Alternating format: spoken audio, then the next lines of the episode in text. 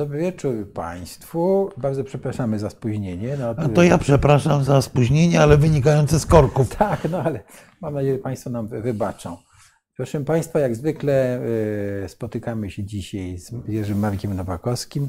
Nie muszę przedstawiać już y, Jerzego Marka Nowakowskiego. Dzisiaj będzie temat, y, który Jerzy Marek Nowakowski kocha i zajmuje się nim od chyba 80 lat już. Tak jest. Bo pamiętam Twoje publikacje i w Jesz, je, jeszcze w podziemnej Polsce w Europie. Tak, jeszcze Polsk, tak, jeszcze w podziemnej Polsce, w podziemnej, podziemnym piśmie Polska w Europie, tak żeby było dokładnie. A nasze spotkanie się odbywa pod auspicjami Stowarzyszenia Euroatlantyckiego i Fundacji Wspomagania Wsi, czyli naszego portalu Wszechnica.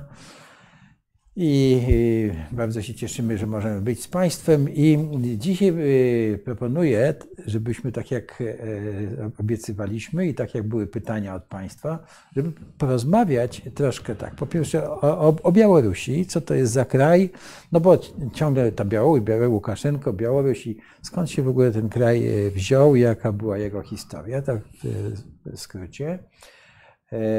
Wyjdziemy od takiego punktu, takiego, który troszkę jest nie, niedoceniany, czyli od, od kolejnego etapu tworzenia tego zbiru, czyli Związku Białorusi i Rosji i tego zebrania tam Rady Wspólnego Państwa, czy jak to się nazywa, to nam... Państwa Związkowego. Państwa Związkowego, tak, bo tam jest 30, ale zaraz do tego dojdziemy.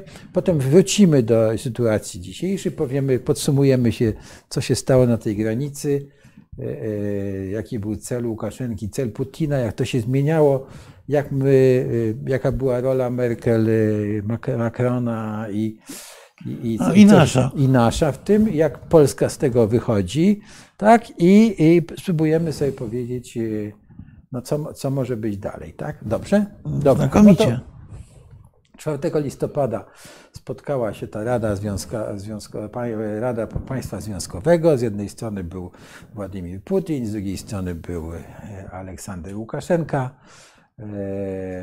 No spotkała, no i, się, spotkała się wirtualnie. Wirtualnie, ale Putin był na Krymie, Łukaszenka był, o ile dobrze pamiętam, w Mińsku, tak? tak?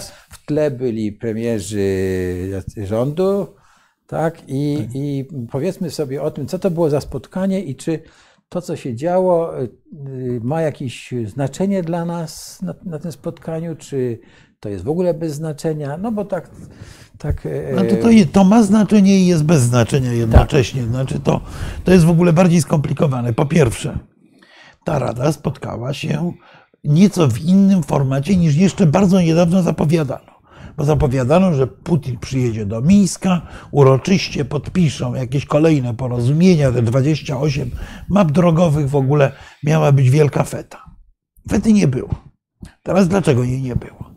Po pierwsze dlatego, że Łukaszenka Zepsuł. nie był gotów do podpisania realnych 28 map drogowych, tylko zgodził się na takie ogólne wytyczne. Czyli dalej ten pomysł na głęboką integrację Białorusi i Rosji na razie pozostaje w stanie zawieszenia. Po drugie, Władimir Putin chciał pokazać, że Krym jest częścią Rosji. Tak. Łukaszenkę zmusił do tego, żeby powiedział, że no on żałuje, że nie jest na Krymie, czyli tak implicitem powiedział, e, mogło być z tego wynikać, że jednak Łukaszenka uzna zaboru Krymu, bo przypominam, że Białoruś nie uznała zaboru Krymu, że Białoruś nie uznała zaboru Abchazji i Osetii Południowej i że Łukaszenka trzymał pewien dystans do tej polityki ekspansji rosyjskiej, co zresztą, co zresztą jest jakoś tam związane z posiedzeniem tej Rady, bo a muszę powiedzieć, że właściwie jedynym politykiem na świecie, który realnie rzucił na kolana Władimira Putina, był rzeczony Łukaszenka. Dlatego, że przecież pomysł rosyjski był w przybliżeniu taki, że kryzys sukcesyjny, no bo w 2024 roku kończy się ostatnia kadencja, kończyła się ostatnia kadencja Władimira Putina, czyli druga z tych wydłużonych kadencji prezydenckich. I zgodnie z ówczesną konstytucją rosyjską, Putin nie miał prawa już startować w wyborach prezydenckich. Pomysł był prosty. Ogłosimy, że tworzymy państwo związkowe Nowy I twór. Putin wystartuje jako na prezydenta tego nowego tworu, będzie rządził dalej. Łukaszenka zostanie prezydentem, prezesem połączonych, czy marszałkiem połączonych parlamentów i ogólnie będzie świetnie, nic się nie zmieni. Po czym Łukaszenka się postawił okoniem, nie zgodził się na tę formułę integracyjną i Putin musiał zmienić konstytucję Rosji, doprowadzić do dość głębokiego kryzysu politycznego w samej Rosji, no bo nie miał wyjścia, no żeby kontynuować władzę, musiał zmienić konstytucję. Miał protesty, miał problemy, potem cała historia z Nawalnym jest też w jakiejś mierze ciągiem dalszym tej wpadki, do której zmusił Putina Łukaszenka. Putin Łukaszenki nie znosi w ogóle, uważa go za kołchozowego dyktatora, tak jak się często u nas mówi, ale po tej całej historii nie znosi go jeszcze bardziej. I teraz skąd się w ogóle to, to państwo związkowe nieszczęsne wzięło? No właśnie. Otóż państwo związkowe wzięło się ze złudzenia, marzenia, Bóg wie, jak to określić, Aleksandra Łukaszenki właśnie. Bo Łukaszenka w połowie lat 90., widząc starzejącego się Jelcyna, współpracując bardzo intensywnie i głęboko z Rosją, ja przypominam, że te elity białoruskie i rosyjskie owego czasu się kompletnie przenikały, daleko nie szukając.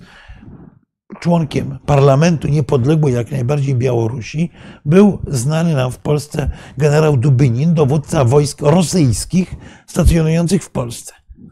Był parlamentarzystą niepodległej Białorusi. A takich postaci było więcej.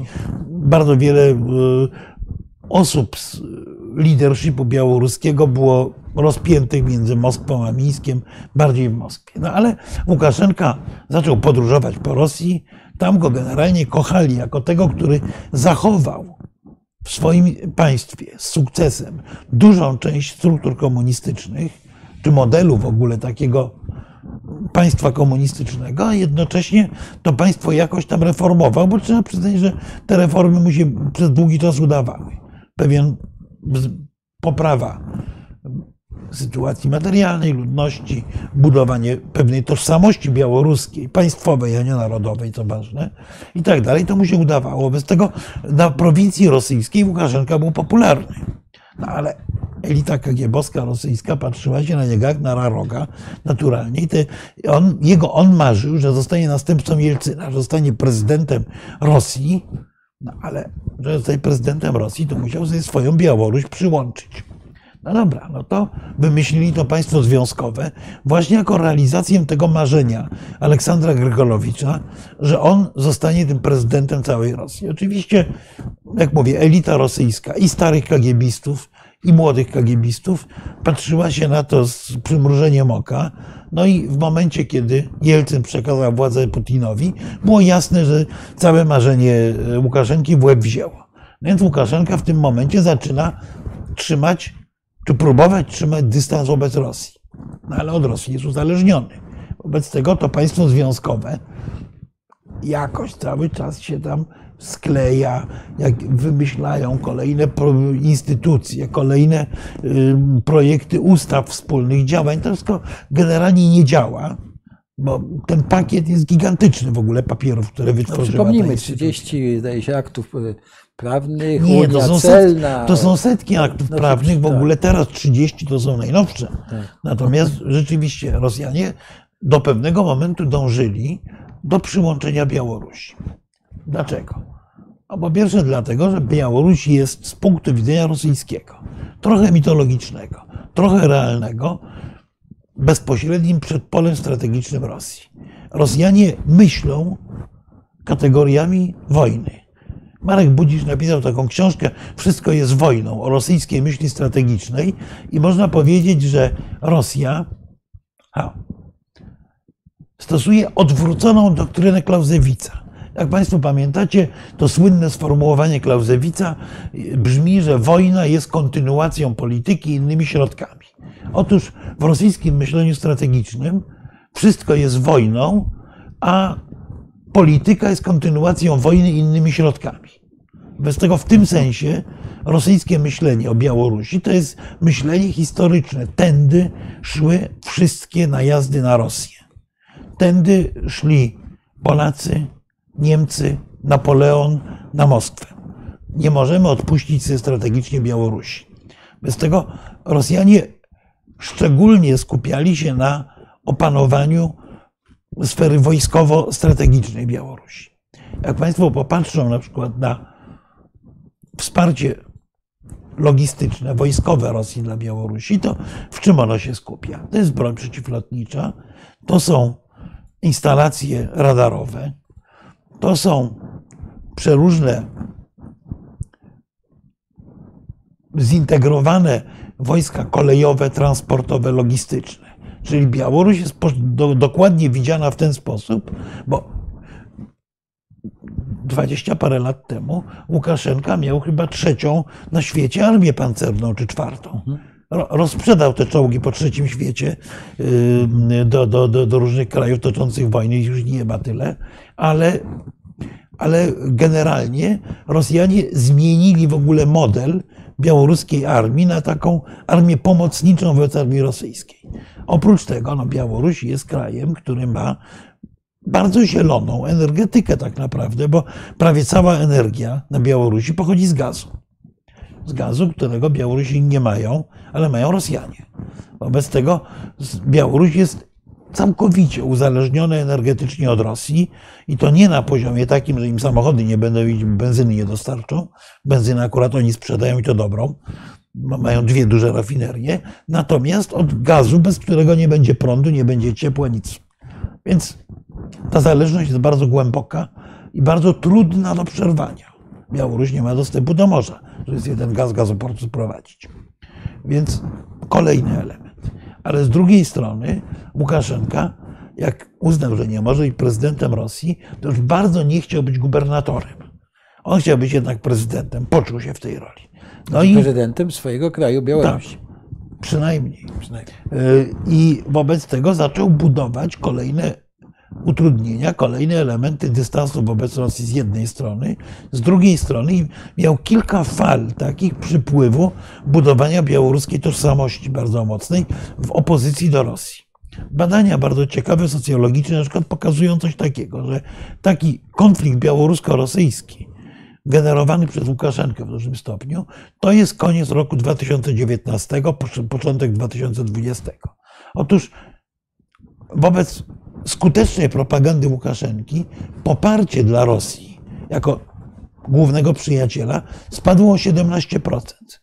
Tyle samo, ile nawet więcej o jeden punkt procentowy, jak spadło w okresie najcięższych represji po wyborach ubiegłorocznych. Mhm. Czyli w sensie, ja bym powiedział, rozumienia ducha narodu białoruskiego, Łukaszenka był świetny do, do pewnego momentu można powiedzieć, że były takie dwa przełomy, rok 2006 i 2020, dwa razy wybory, które zostały w obu wypadkach sfałszowane, aczkolwiek w różnym stopniu, i które pociągnęły za sobą represje odpychające tego zwykłego Białorusina od Łukaszenki. Rosjanie Wszechzwiązkowy Komitet Statystyczny przeprowadzili niedawno tajne, bo na Białorusi są zakazane sondaże, tajne badania opinii publicznej, z których to badań wynikło, dwie, wynikły dwie rzeczy. Że 66% Białorusinów nie chce wspólnego państwa z Rosją. I 68% Białorusinów nie chce Aleksandra Łukaszenki jako prezydenta. A muszę powiedzieć, że w mojej opinii na początku ubiegłego roku, na początku roku 2020, jak się rozpoczynała kampania prezydencka, to Rosja była dużo bardziej życzliwa wobec konkurentów Łukaszenki niż Łukaszenki. Wydaje się, że Rosjanie chcieli zmienić wtedy władzę. No bo Łukaszenka im napluł w kaszę właśnie y, tym, y, tym zmuszeniem i do zmiany konstytucji. Wobec tego Putin wydaje się, że chciał przeprowadzić tą kontrolowaną rewolucję, umieścić lidera, który będzie z jednej strony miał poparcie obywateli Białorusi, z drugiej strony będzie głęboko prorosyjski. To był chyba pomysł na siedzącego obecnie w więzieniu Wiktora Babarykę mhm. jako przyszłego prezydenta. Zresztą Swietłana Cichanowska też była traktowana przez media rosyjskie co najmniej życzliwie to znaczy, gdyby, w okresie kampanii wyborczej. Czy chcesz przez to powiedzieć, że gdyby Babaryka czy Ciechanowska no, która, jak widać, jak wiemy, wygrała wybory, byłaby zaakceptowana, gdyby. Znaczy, gdyby ona te, wygrała wybory. Ale gdy, gdyby. Czy Rosja by ją zaakceptowała? Tak, łatwo? tak, myślę, że tak. Proszę, zwróćcie czy... Państwo uwagę, że przez pierwsze przynajmniej półtora miesiąca w publicystyce tej zbliżonej do Kremla, nie jakiejś opozycyjnej w Rosji, cały czas była mowa, że Łukaszenka już właściwie jest trupem, że ustępuje. Cały czas były snute rozważania, kto będzie po nim. Natomiast zdarzyły się trzy rzeczy. Po pierwsze, Łukaszenka okazał się brutalniejszy i skuteczniejszy niż wszyscy obserwatorzy sądzili. W sposób skrajnie brutalny, wręcz charakterystyczny dla rządów dyktatorskich, a nie zwyczajnych autorytaryzmów, stłumił protesty. Po drugie, po drugie, Łukaszence niesłychanie pomógł, jakby to paradoksalnie nie zabrzmiało, Aleksiej Nawalny. Dlaczego Nawalny pomógł Łukaszence? Ano dlatego, że wrócił do Rosji i nie dał się otruć. Skoro tak, to dla Putina jest on realnym rywalem. Putin uważa go za poważne zagrożenie. I sięgnął po badania socjologiczne. Co z tych badań wynikło? Że struktura społeczna poparcia dla Cichanowskiej i dla Nawalnego jest niemal identyczna. Że Co sposób przez strukturę? Znaczy pokolenie, y, grupy społeczne, które wspierają i tak dalej. Czyli jakby sondaże poparcia w obu wypadkach Czyli młodzi pokazywały, tak, pokazywały, że to bardzo podobne grupy społeczne są zaangażowane w poparcie obu, obojga tych polityków, raz, a dwa, że model działania opozycji białoruskiej, czy białoruskich sił demokratycznych z jednej strony i rosyjskiej opozycji skupionej wokół Nawalnego z drugiej, jest bardzo podobny, łącznie z technologiami użycia internetu, z komunikatorami tymi samymi, którymi się posługują i tak dalej, i tak dalej. Wobec tego na Kremlu doszli do prostego wniosku, że pozwolenie na to, żeby Białorusini obalili Łukaszenkę, może być zachętą dla Rosjan, żeby zrobić to samo wobec Putina. Oni nie. Tak dobrze nie będzie, pomyśleli y, sobie strategzy kremlowscy i zaczęli Łukaszenkę coraz mocniej wspierać w jego polityce. Przy czym pamiętajmy o jednej rzeczy. O tym, że Władimir Putin ma coś, co ja bym nazwał kompleksem ukraińskim. Bo on ma świadomość, że największą porażką, jaką poniósł, to nie jest to, że na Ukrainie są władze, które są mniej lub bardziej nieżyczliwe. Największą porażką jest to, że Ukraińcy stali się antyrosyjscy. Że Ukraińcy, którzy jeszcze przed 2013 rokiem deklarowali w większości badań, że najbardziej przyjaznym, najbliższym im krajem i narodem jest Rosja, w tej chwili Rosję umieszczają na biegunie najgorszego wroga. Otóż, o ile tą czy inną metodą można zmienić władzę, to dużo trudniej jest zmienić nastawienie społeczne.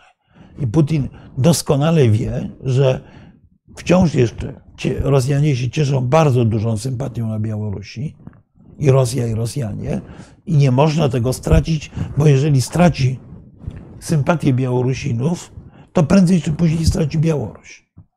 Więc nie chciał powtórzyć tego błędu i musi balansować pomiędzy tymi dwoma skrajnościami. Z jednej strony Łukaszenka, który jest jego kompletnym zakładnikiem w tej chwili, no bo świat się od niego odwrócił, nikt go nie uznaje za prezydenta w świecie demokratycznym, bo to, wcześniej Łukaszenka lawirował.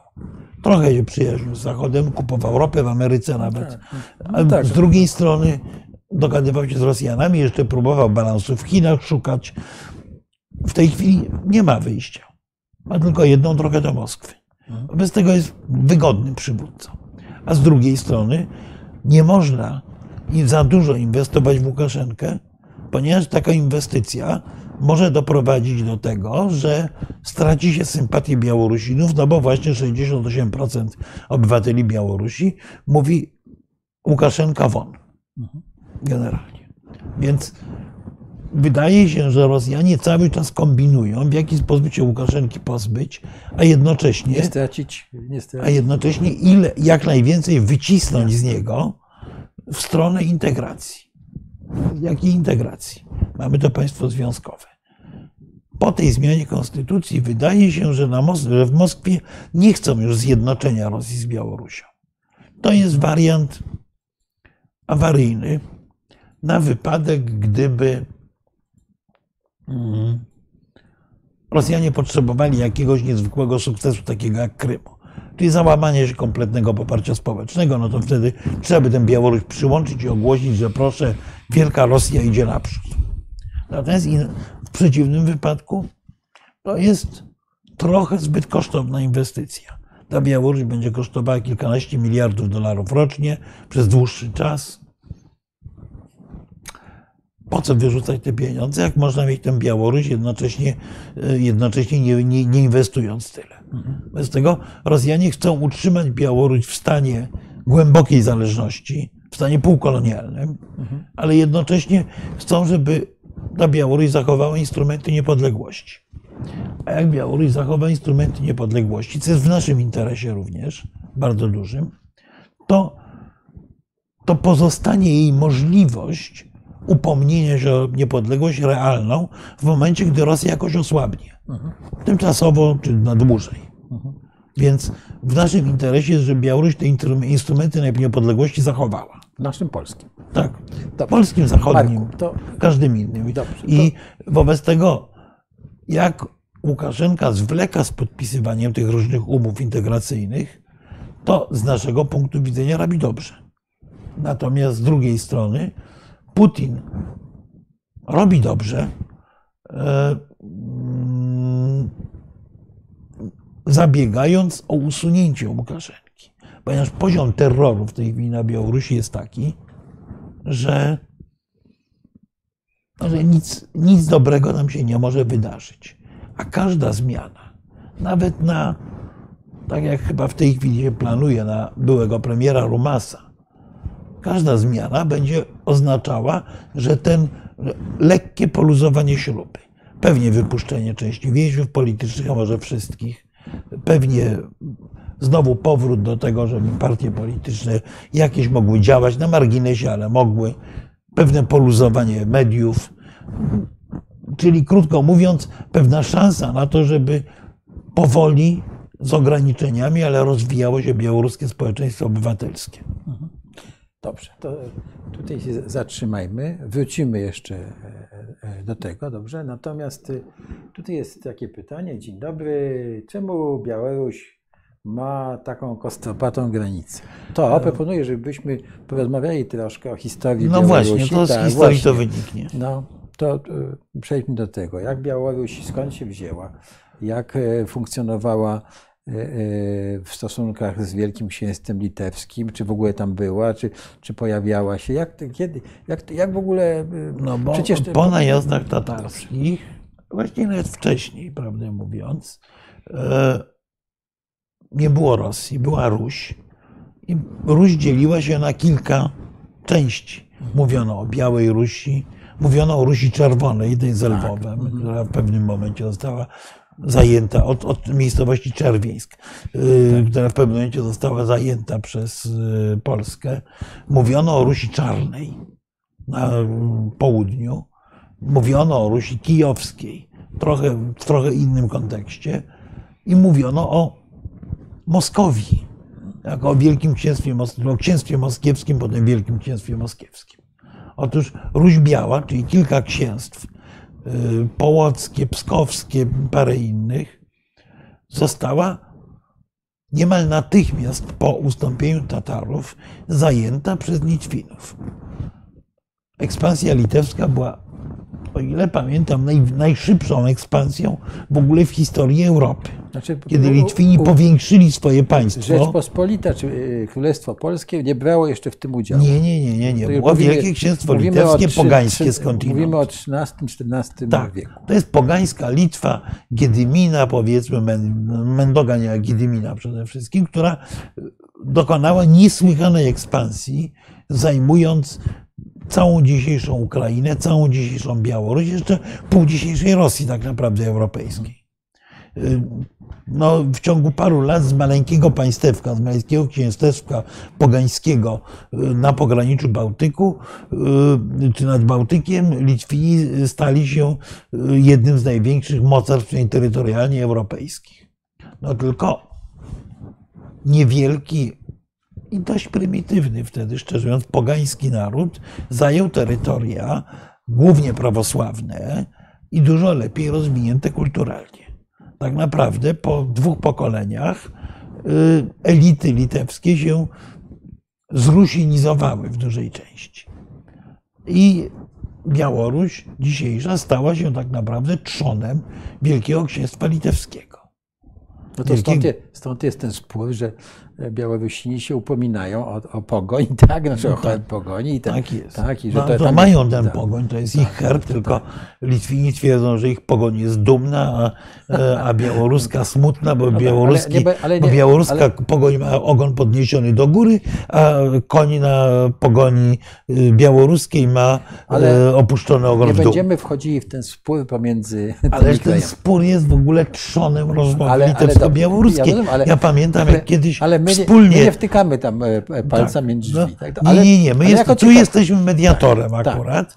Tak. Pamiętam, jak kiedyś wspólnie z e, ówczesnym prezydentem Litwy, Witautasem Landsbergisem, przyjechaliśmy do Mińska i odwiedziliśmy Stanisława Szuszkiewicza, który wtedy tak. był głową państwa białoruskiego. No i Landsbergis się nieprawdopodobnie oburzył, bo w gabinecie prezydenta przewodnicząca, przewodniczącego Rady Najwyższej, no ale to był urząd szefa państwa y, Szuszkiewicza, wisiał obrazek. No i obrazek ten przedstawiał Kościół Świętej Anny w Wilnie. No i Landsbergis, tak, zaborcze tendencje tutaj ma, ma ta Białoruś i tak dalej, a Szuszkiewicz tak spokojnie mówi, no przecież to nasza wspólna tradycja, no bo tak naprawdę Wilno było wspólną stolicą Białorusinów i Litwinów przez długi czas. Wobec tego y, ta tradycja Wielkiego Księstwa jest jedną z dwóch tradycji, które walczą ze sobą na Białorusi, bo środowisko, bardzo upraszczając, mhm. środowisko demokratyczne białoruskie odwołuje się właśnie do tej historii Wielkiego Księstwa Litewskiego i Rzeczypospolitej. Bo, no bo po Unii Polsko-Litewskiej jest to już Rzeczpospolita obojga narodów. I oczywiście no tak, Białorusini. Ale, ale Unia Polsko-Litewska to jest 1569, no, a my jesteśmy. To, nie, nie, a tak naprawdę nasz... to jest Unia Krewska już Krewska, 1383. Tak, no, czyli dwa wieki wcześniej, ale jeszcze jesteśmy przed Unią w Krewie. Jesteśmy, tak? No dobra, jesteśmy przed Unią. Białoruś kulturowo dominuje Wielkie Księstwo Litewskie. Na pewno.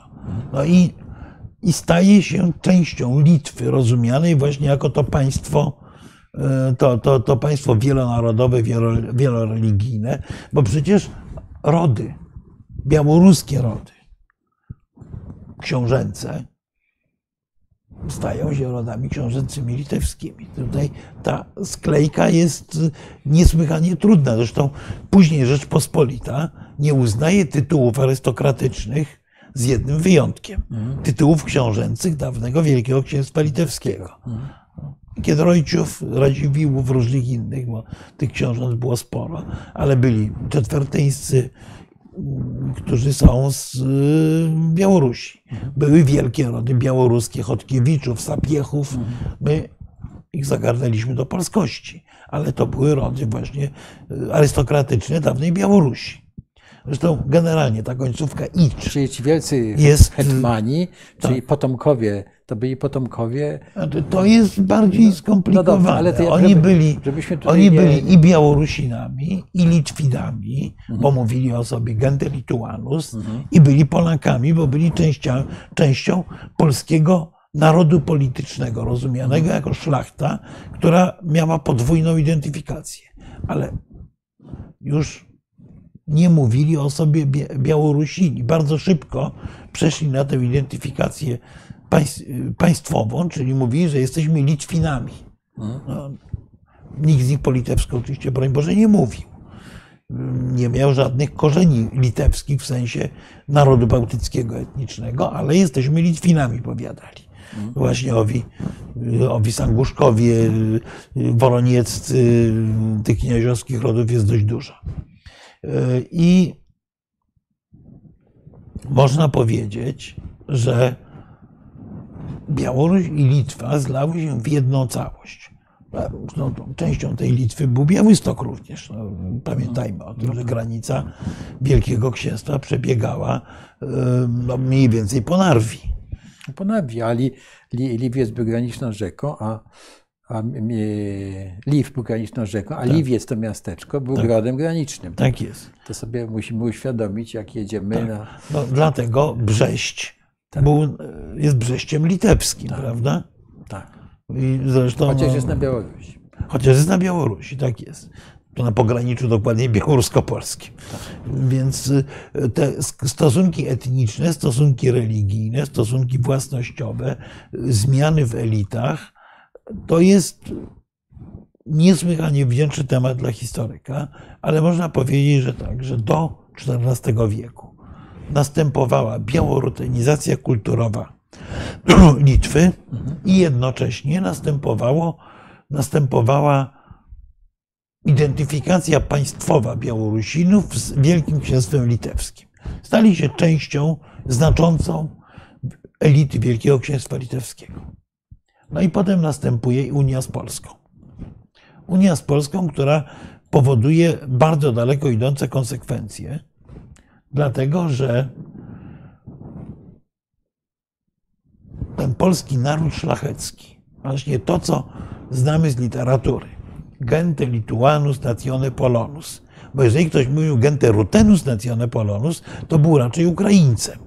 No, Wiśniowieccy na przykład, prawda? Rusini, ale z Rusi kijowskiej. Natomiast z Białorusini o sobie mówią gente lituanus. Potem zresztą po Unii Lubelskiej następuje rozgraniczenie Białorusi i Ukrainy, czy utworzenie, podział tej, tych ziem ruskich na część przyłączona do korony. Ukraina została częścią korony Królestwa Polskiego, a Białoruś pozostała trzonem Wielkiego Księstwa Litewskiego. Mówimy już o, po Unii Lubelskiej. Mówimy o Unii Lubelskiej, tak. No ale wypada zmierzać do czasu bardziej współczesnych. Tak. I teraz? Bo potem mamy okres zaborów, no Białoruś, Li, Bo okres zaborów i, i jest też ciekawy. No właśnie, bo, bo... Czy tam były jakieś ruchy narodowościowe białoruskie w tym hmm. czasie? Po części tak, bo nas, pod władzą carów następuje, następują dwa procesy. Jeden to jest proces przymusowego, przymusowej reintrodukcji prawosławia. Bo pamiętajmy, że po Unii e, Brzeskiej duża część kościoła to jest kościół unicki. Otóż, o ile po zaborach Rosjanie w sposób wyjątkowo okrutny i konsekwentny niszczą Unię Kościelną. Tak. Przywracają to kanoniczne moskiewskie prawosławie. Mhm. Dlaczego religia unicka stała się religią, powiedzmy, narodową Ukrainy. Ale dlatego, że część ziem Ukrainy, ta Ruś Czerwona, znalazła się w składzie zaboru austriackiego. I tam w Lwowie spokojnie, w Lwowie, Tarnopolu, gdziekolwiek, rozwija się religia unicka. Natomiast na Białorusi i części Ukrainy, tej zajętej przez Rosję, następuje bardzo brutalnie, bo to było czasami wręcz krwawo robione, przywrócenie tego moskiewskiego prawosławia. Białoruś zaczyna być prawosławna i zaczyna się odróżniać od Litwy, bo Litwa pozostaje katolicka. No bo po chrzcie Litwy tak. Litwa przyjęła katolicyzm, natomiast cała reszta Wielkiego Księstwa była prawosławna. I na, następuje poza tym właśnie różnicowanie. Rodzi się ta kostropata granica w tym momencie. No bo tu katolicy, tu prawosławni, tu Litwini, tu Białorusini czy Rusini. Część to po prostu były granice wyznaczane przez majątki polskiej szlachty, która mhm. tam cały czas jest oczywiście. Cały czas cudowna książka Marii Czapskiej, Europa w rodzinie, tak. jest przecież opowieścią o tym, jak w majątku polskim pod Mińskiem czytywało się najnowsze gazety paryskie niemal drugiego dnia po ich wydaniu, bo specjalnie ekspresowym pociągiem dojeżdżały do majątku czapskich. No tu jeszcze mamy e, informacje o tym, jak funkcjonowała poczta nawet w takim imperium tak. rosyjskim, że no. mogły być paszporty i znaczy, tak, ale funkcjonowała bardzo dobrze. Tak, i no to e, naprawdę jak e, na przykład jest tak, wydane są listy Krausa, takiego socjalisty, tak? tak? no to list z Paryża do, pod Radą, tak? gdzie on mieszkał, to trzy, dwa dni szedł, tak? tak? No, wiesz, to, tak. Ale dobra, wracajmy do tej Białorusi. Bo... No, ale właśnie, więc ta Białoruś teraz zaczyna, o co się stało z Białorusią? W dużej właśnie. części również z Litwą. Cała elita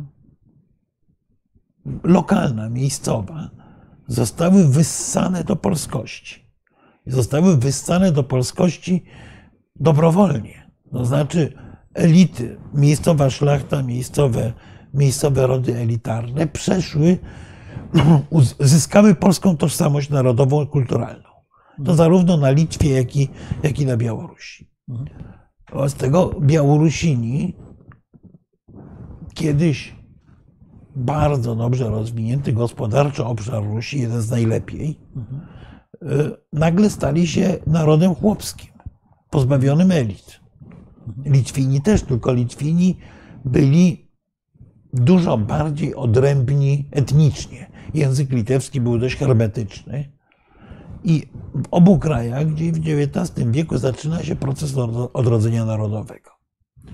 Odrodzenia języka białoruskiego, tego, który był językiem ruskim, w którym pisano oficjalne dokumenty Wielkiego Księstwa przecież. Tak.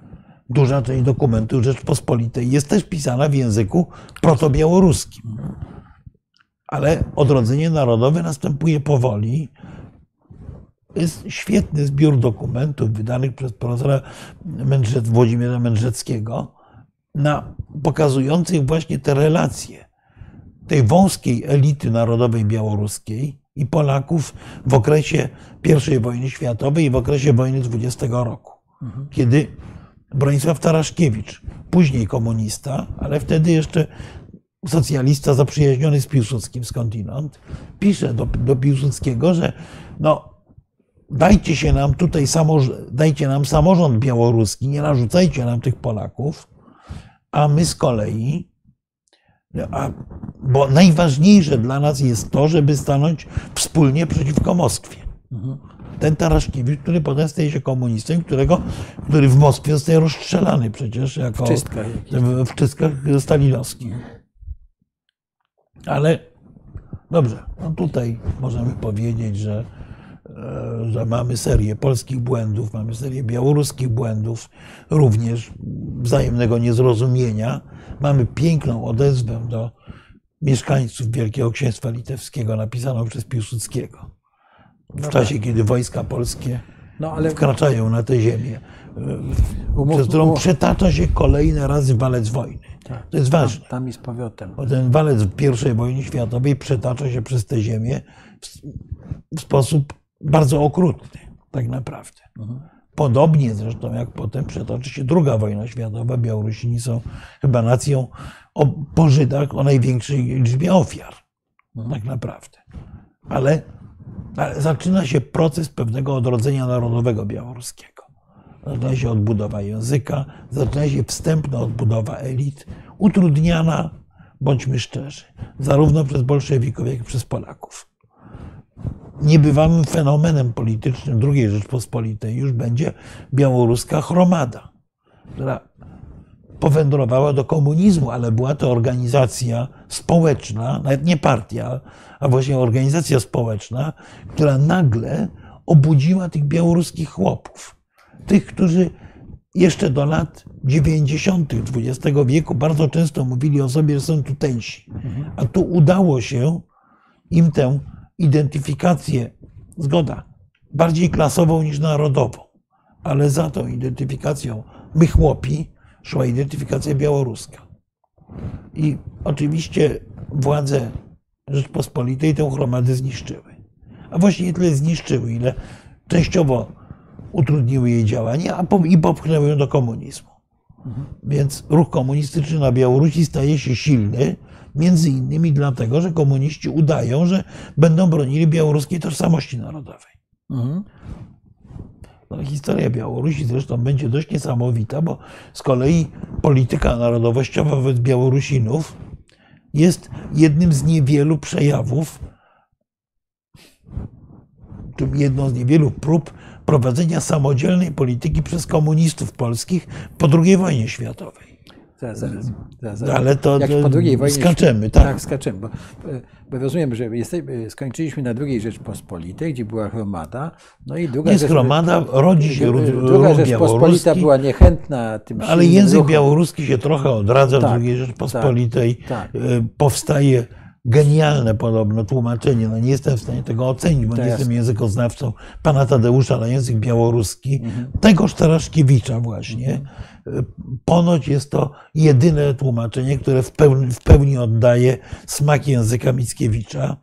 E, nie ma drugiego takiego, ani na rosyjski, ani na żaden no. inny język. I tak. tak dalej, i tak dalej. Natomiast oczywiście Białorusini mają są potwornie biedni. Druga Rzeczpospolita w ogóle jest potwornie biedna. Tak. Wieś jest szczególnie biedna, a wieś kresowa jest jeszcze bardziej szczególnie biedna. Nędza po prostu. Jednocześnie są tam utrzymane gigantyczne majątki obszarnicze. Wobec tego komuniści mają łatwiej. Mają łatwiej, no tak. E, no prawie, żeby, prawie pańszczyzna tak, jeszcze jest. Ćwierć pańszczyzna, dokładnie. Połączona z biedą no pamiętajmy, że jeszcze na dodatek ze zderzeniem ówczesnej polskiej władzy z prawosławiem. Bo ci tak. Białorusini, którym odebrano Kościół unicki, e, no, z kolei przywiązali się do prawosławia. Mhm. No i w momencie, kiedy przychodzi II wojna światowa, to oczywiście Białorusini dość życzliwie gdzie niegdzie entuzjastycznie, a raczej życzliwie, tylko witają wojska sowieckie. No bo wydaje im się, że tutaj przepędzą nasi, tych obszarników, tak. Y, teraz będą, będzie równość i w ogóle będzie super. Na początku zresztą starali się przynajmniej budować białoruską kulturę narodową, bolszewicy. tak dalej, bolszewicy i tak dalej, i tak dalej. No ale bardzo szybko przychodzą Niemcy. Mhm. A czy były, no bo jak e, wkroczyli bolszewicy na ziemię, no to e, oczywiście dokonywali wywózek natychmiast i czystek. No, ale głównie wywozili Polaków, szczerze tak, mówiąc. szczerze mówiąc tak, ale e, e, Litwinów, Łotyszy również. Czy Białorusinów no, też były czystki? najmniej. Białorusinów trochę tych, tych działaczy narodowych mhm. wywieziono, ale niewielu. Mhm, Bardzo tak. niewielu wywieziono, także, mhm. także oni Czyli generalnie przychodzą... pozostali, bo, no bo, no bo tutaj było to właśnie to, ta sklejka narodowego z klasowym, więc bolszewikom wydawali się być bliscy. Potem przy, no, y, no przed, wchodzą Niemcy. Wchodzą Niemcy. Pojawia się ruch proniemiecki, pamiętajmy, że Białoruski, Biał, tak, białoruski. Mhm. Y, Fabiana Kińczyc, y, grupa z nim związana, wiąże z Niemcami nadzieję. Bo pamiętajmy, że wszyscy mają wspomnienie I wojny światowej tych Niemców, tych Niemców którzy próbowali, którzy tak? próbowali poza Oczywiście. tym dawać również Białorusinom pewne narodowe swobody. Jasne. Więc pojawia się ten ruch białoruski. Poza tym znowu jest biednie. Mhm. Białorusini w międzyczasie, bo bolszewicy dość szybko dają się poznać, kim są naprawdę, więc w międzyczasie im ten entuzjazm do komunizmu co nieco osłabł. Tak. I Białoruś ma dwie rzeczy.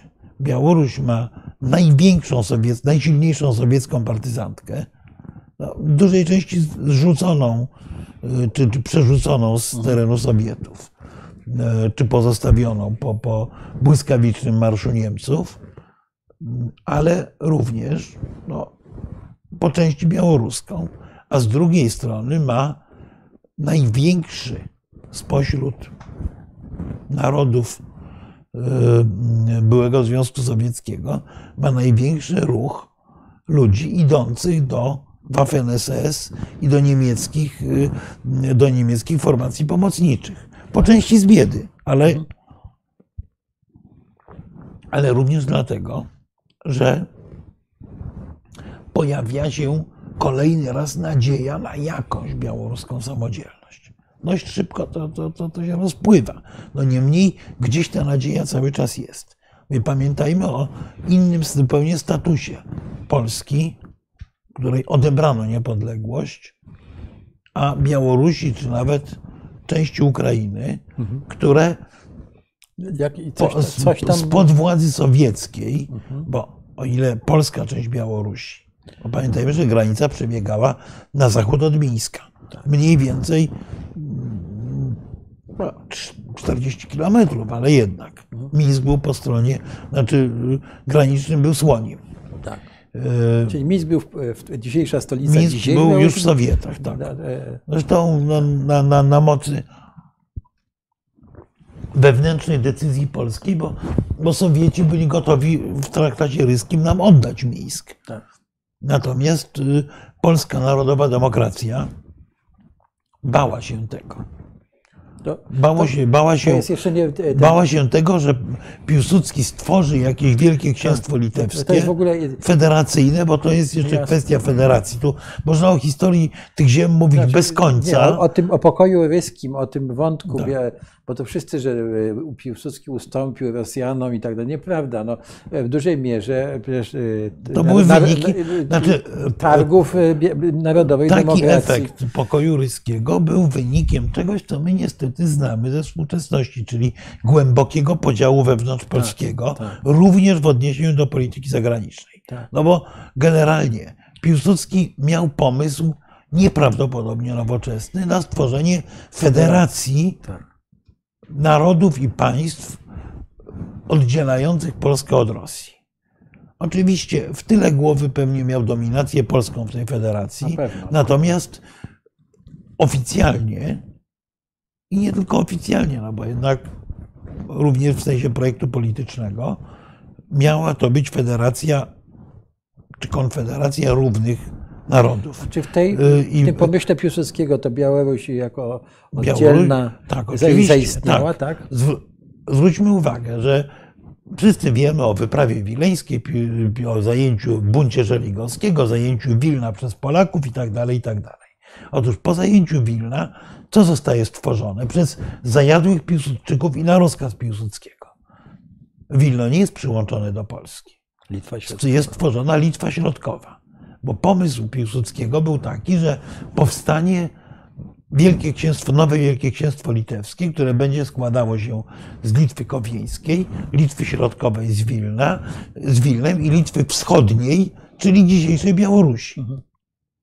I no, to upadło. I to upadło decyzją Romana Dmowskiego tak naprawdę, czy, czy narodowców polskich, którzy walczyli z bolszewikami w Rydze, żeby nie wziąć y, Mińska. Mhm. Jofe nam oferował Mińsk, myśmy nie chcieli Mińska, czy kierownictwo polskiej delegacji, które było właśnie endeckie. Mówimy OFE, to był wtedy... Jofe to był minister, minister spraw zagranicznych Sowietów, Rosji, Rosji ale, bolszewickiej. Dobrze, ale zostawmy pokój ryski, wróćmy do naszej Naszej... Ale z pokoju wiejskiego na przykład wynika po części ta kostropata granica tak, właśnie, tak, no właśnie. Bo, to, bo w dużej części ta granica to była granica wykreślona w traktacie żeby, ryskim e, pomiędzy żeby, Litwą a e, Związkiem Sowieckim. Żeby nasi mniej zorientowani słuchacze te na żywo i w przyszłości się nie, nie pogubili.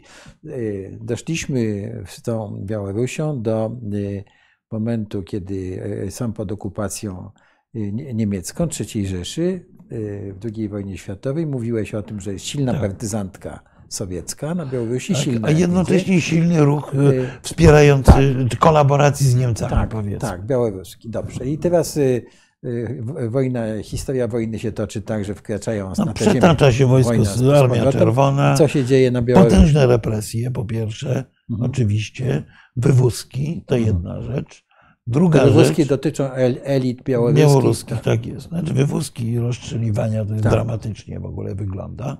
E, I w wyniku II wojny światowej na Białorusi rodzi się rzecz, która do dzisiaj kształtuje białoruski hmm. styl myślenia. Otóż jedna rzecz jest dla Białorusinów święta.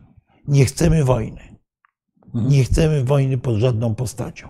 Jeżeli w pewnym momencie e, właśnie wtedy, kiedy realizowało się, czy Łukaszenka próbował zrealizować to marzenie o zjednoczeniu z Rosją, to jego przeciwnicy jakiego używali argumentu?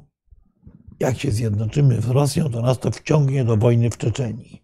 Nasi, nasi chłopcy, pojadą. nasze dzieci pojadą się bić.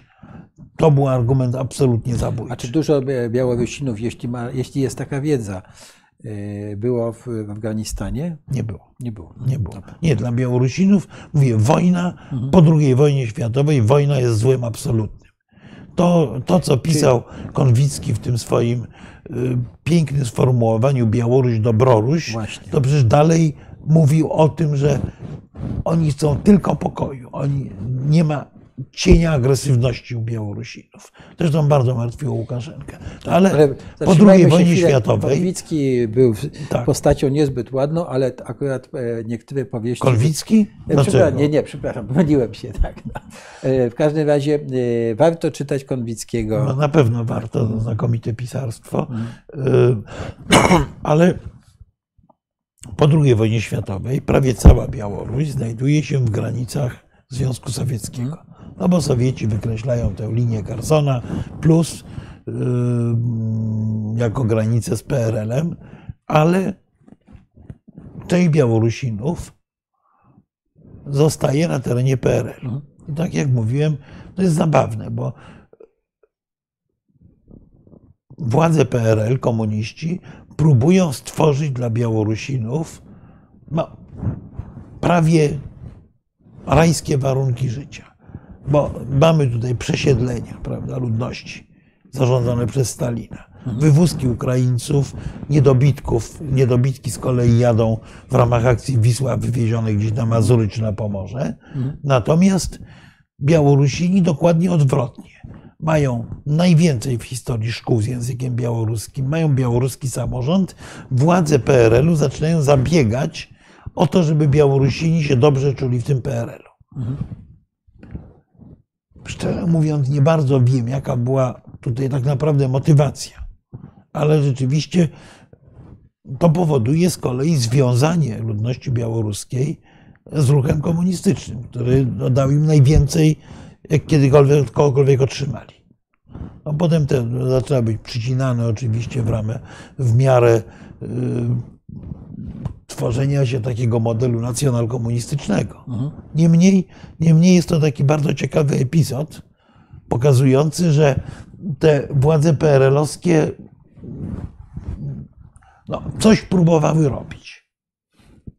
Więc próbowały jakiś puls y, kreowania względnie, względnie samodzielnej polityki. Czyli, ale mówimy o Białorusinach y, w PRL. Zamieszkujących w PRL-u, czyli a, Biała Podlaska, tak, tak. Hajnówka, no ten pasek przy granicy z Białorusią. A, a po drugiej stronie granicy? A po drugiej stronie granicy następuje powolna rusyfikacja. To nie jest przypadek, że najładniejszym językiem białoruskim w tej chwili mówią polscy Białorusini, najbardziej literackim. Że y, wzorce językowe przepływały przez granicę na właściwą Białoruś w dużej części. No, poza oczywiście wąskimi elitami kulturalnymi Mińsk, ale bardzo wąskimi, mhm. które się odbudowały y, już w epoce chruszczowskiej, kiedy część ludzi wróciła ze zsyłki, część poczuła się nieco bardziej wolna czy swobodna, żeby odbudowywać język białoruski, a z kolei no, cała ideologia Sowietów, tych Republiki Federacyjnej na przykład kazała, żeby nazwy miejscowości zapisywać po białorusku. Pisownia białoruska się odrobinę różni od rosyjskiej. Yy, więc, yy, więc ten tam powoluteńku ten język białoruski, kultura białoruska się odradza, potem znowu przychodzi impuls ten drugiej fazy rządów Breżniewa, który jest takim twardą rusyfikacją. W efekcie Białorusini w dużej części uważają język białoruski za coś gorszego. Ja pamiętam taką historię, jak z Markiem Karpiem, nieżyjącym już, i z panią profesor Elżbietą Spółkową, mhm. późniejszą pierwszą polską ambasador na Białorusi. Jechaliśmy sobie samochodem już, już po roku 89, kiedy odpuszcza ten rygor sowiecki, kiedy zaczyna się odbudowa tożsamości narodowych i tak dalej, i tak dalej, i tak dalej. Na Litwie bardzo szybka, na Białorusi wolniejsza. To jest rok, nie wiem, 90 chyba. Jedziemy samochodem z Wilna do e, Mińska. No i zatrzymujemy się, ta niedziela, na mszy w kościele e, w miejscowości Żermuny. Msza oczywiście po polsku, katolicka. Po mszy wychodzimy i nie znamy tych ludzi. Słuchamy, słuchamy między sobą, rozmawiają po białorusku. Więc Elżbieta, mówiąca wspaniałą białoruszczyzną, zagaduje do nich po białorusku raz, drugi, a oni nam odpowiadają albo bardzo łamanym polskim, albo po rosyjsku. No dobra. Gdzieś Którzy z kolei nasi rozmówcy, no oczywiście zapraszają nas do siebie na, do, do domu na poczęstunek, wyciągają w takim wielkim pięciolitrowym słoju po ogórkach bimber, polewają ten bimber do szklanek, yy, no, wypijamy po, po parę łyków tego bimbru, no i wracamy do tego pytania. No, dlaczego wy nie mówicie, mówicie tak pięknym białoruskim, dlaczego nie mówicie z nami po białorusku? No i nasz rozmówca mówi, no bo jak to? No, tacy goście zagraniczni przyjechali, to jeszcze nie były czasy, kiedy się powszechnie goście zagraniczni, sam pamiętam. Mhm. Tacy goście zagraniczni przyjechali, no to my z nimi musimy po pańskim językiem rozmawiać, no nie chłopskim. Mhm. Pańskim, czyli rosyjskim albo polskim. Tak. Także. A potem zresztą druga rzecz. Jak rozmawialiśmy wielokrotnie, bo podróżowaliśmy tam wiele razy po tej części Białorusi, tego pogranicza litewsko-białorusko-polskiego, wielokrotnie pytamy się ludzi, kim wy jesteście. I co i nam odpowiadali wtedy? My, bywszy sowieckie ludzi, czyli my jesteśmy dawnymi obywatelami czy ludźmi sowieckimi. Mhm. Prawda? Czyli nie bardzo było, były kłopoty z tą tożsamością. I tu już dochodzimy do Łukaszenki i do współczesnej Białorusi. Otóż elity białoruskie demokratyczne, które na chwilę znalazły się przy władzy w, latach, w początku lat 90., próbowały odbudowywać tę białoruskość. Bardzo charakterystyczne, bo w centrum Mińska z placu Lenina jechało się Aleją Lenina, która y, po 400 metrach krzyżowała się z ulicą Lenina. Y, na tym placu Lenina stał pomnik Lenina. No więc jak przyszli demokraci, to przechrzcili to wszystko na Franciszka Skoryny. Franciszek Skoryna to był XVI-wieczny tłumacz Biblii na język białoruski właśnie. Mhm. Czy ruski, czy proto-białoruski. Więc więc wszystko było właśnie Franciszka Skoryny, przywrócono język białoruski w szkołach. No dobra, tylko że obywatele wpadli w panikę, bo nie znali białoruskiego. Mhm. I nagle bali się, że nie będzie można być urzędnikiem, jak się nie po białorusku. Oni w większości mówili e, tak zwaną trasianką, czyli taką mieszanką rosyjskiego z białoruskim, ale właściwie rosyjskim z elementami białorus białoruskiego. Zresztą tym językiem się posługuje do dzisiaj Łukaszenka. I to być może stało się początkiem sukcesu właśnie takich ludzi jak Łukaszenka. Mhm. Bo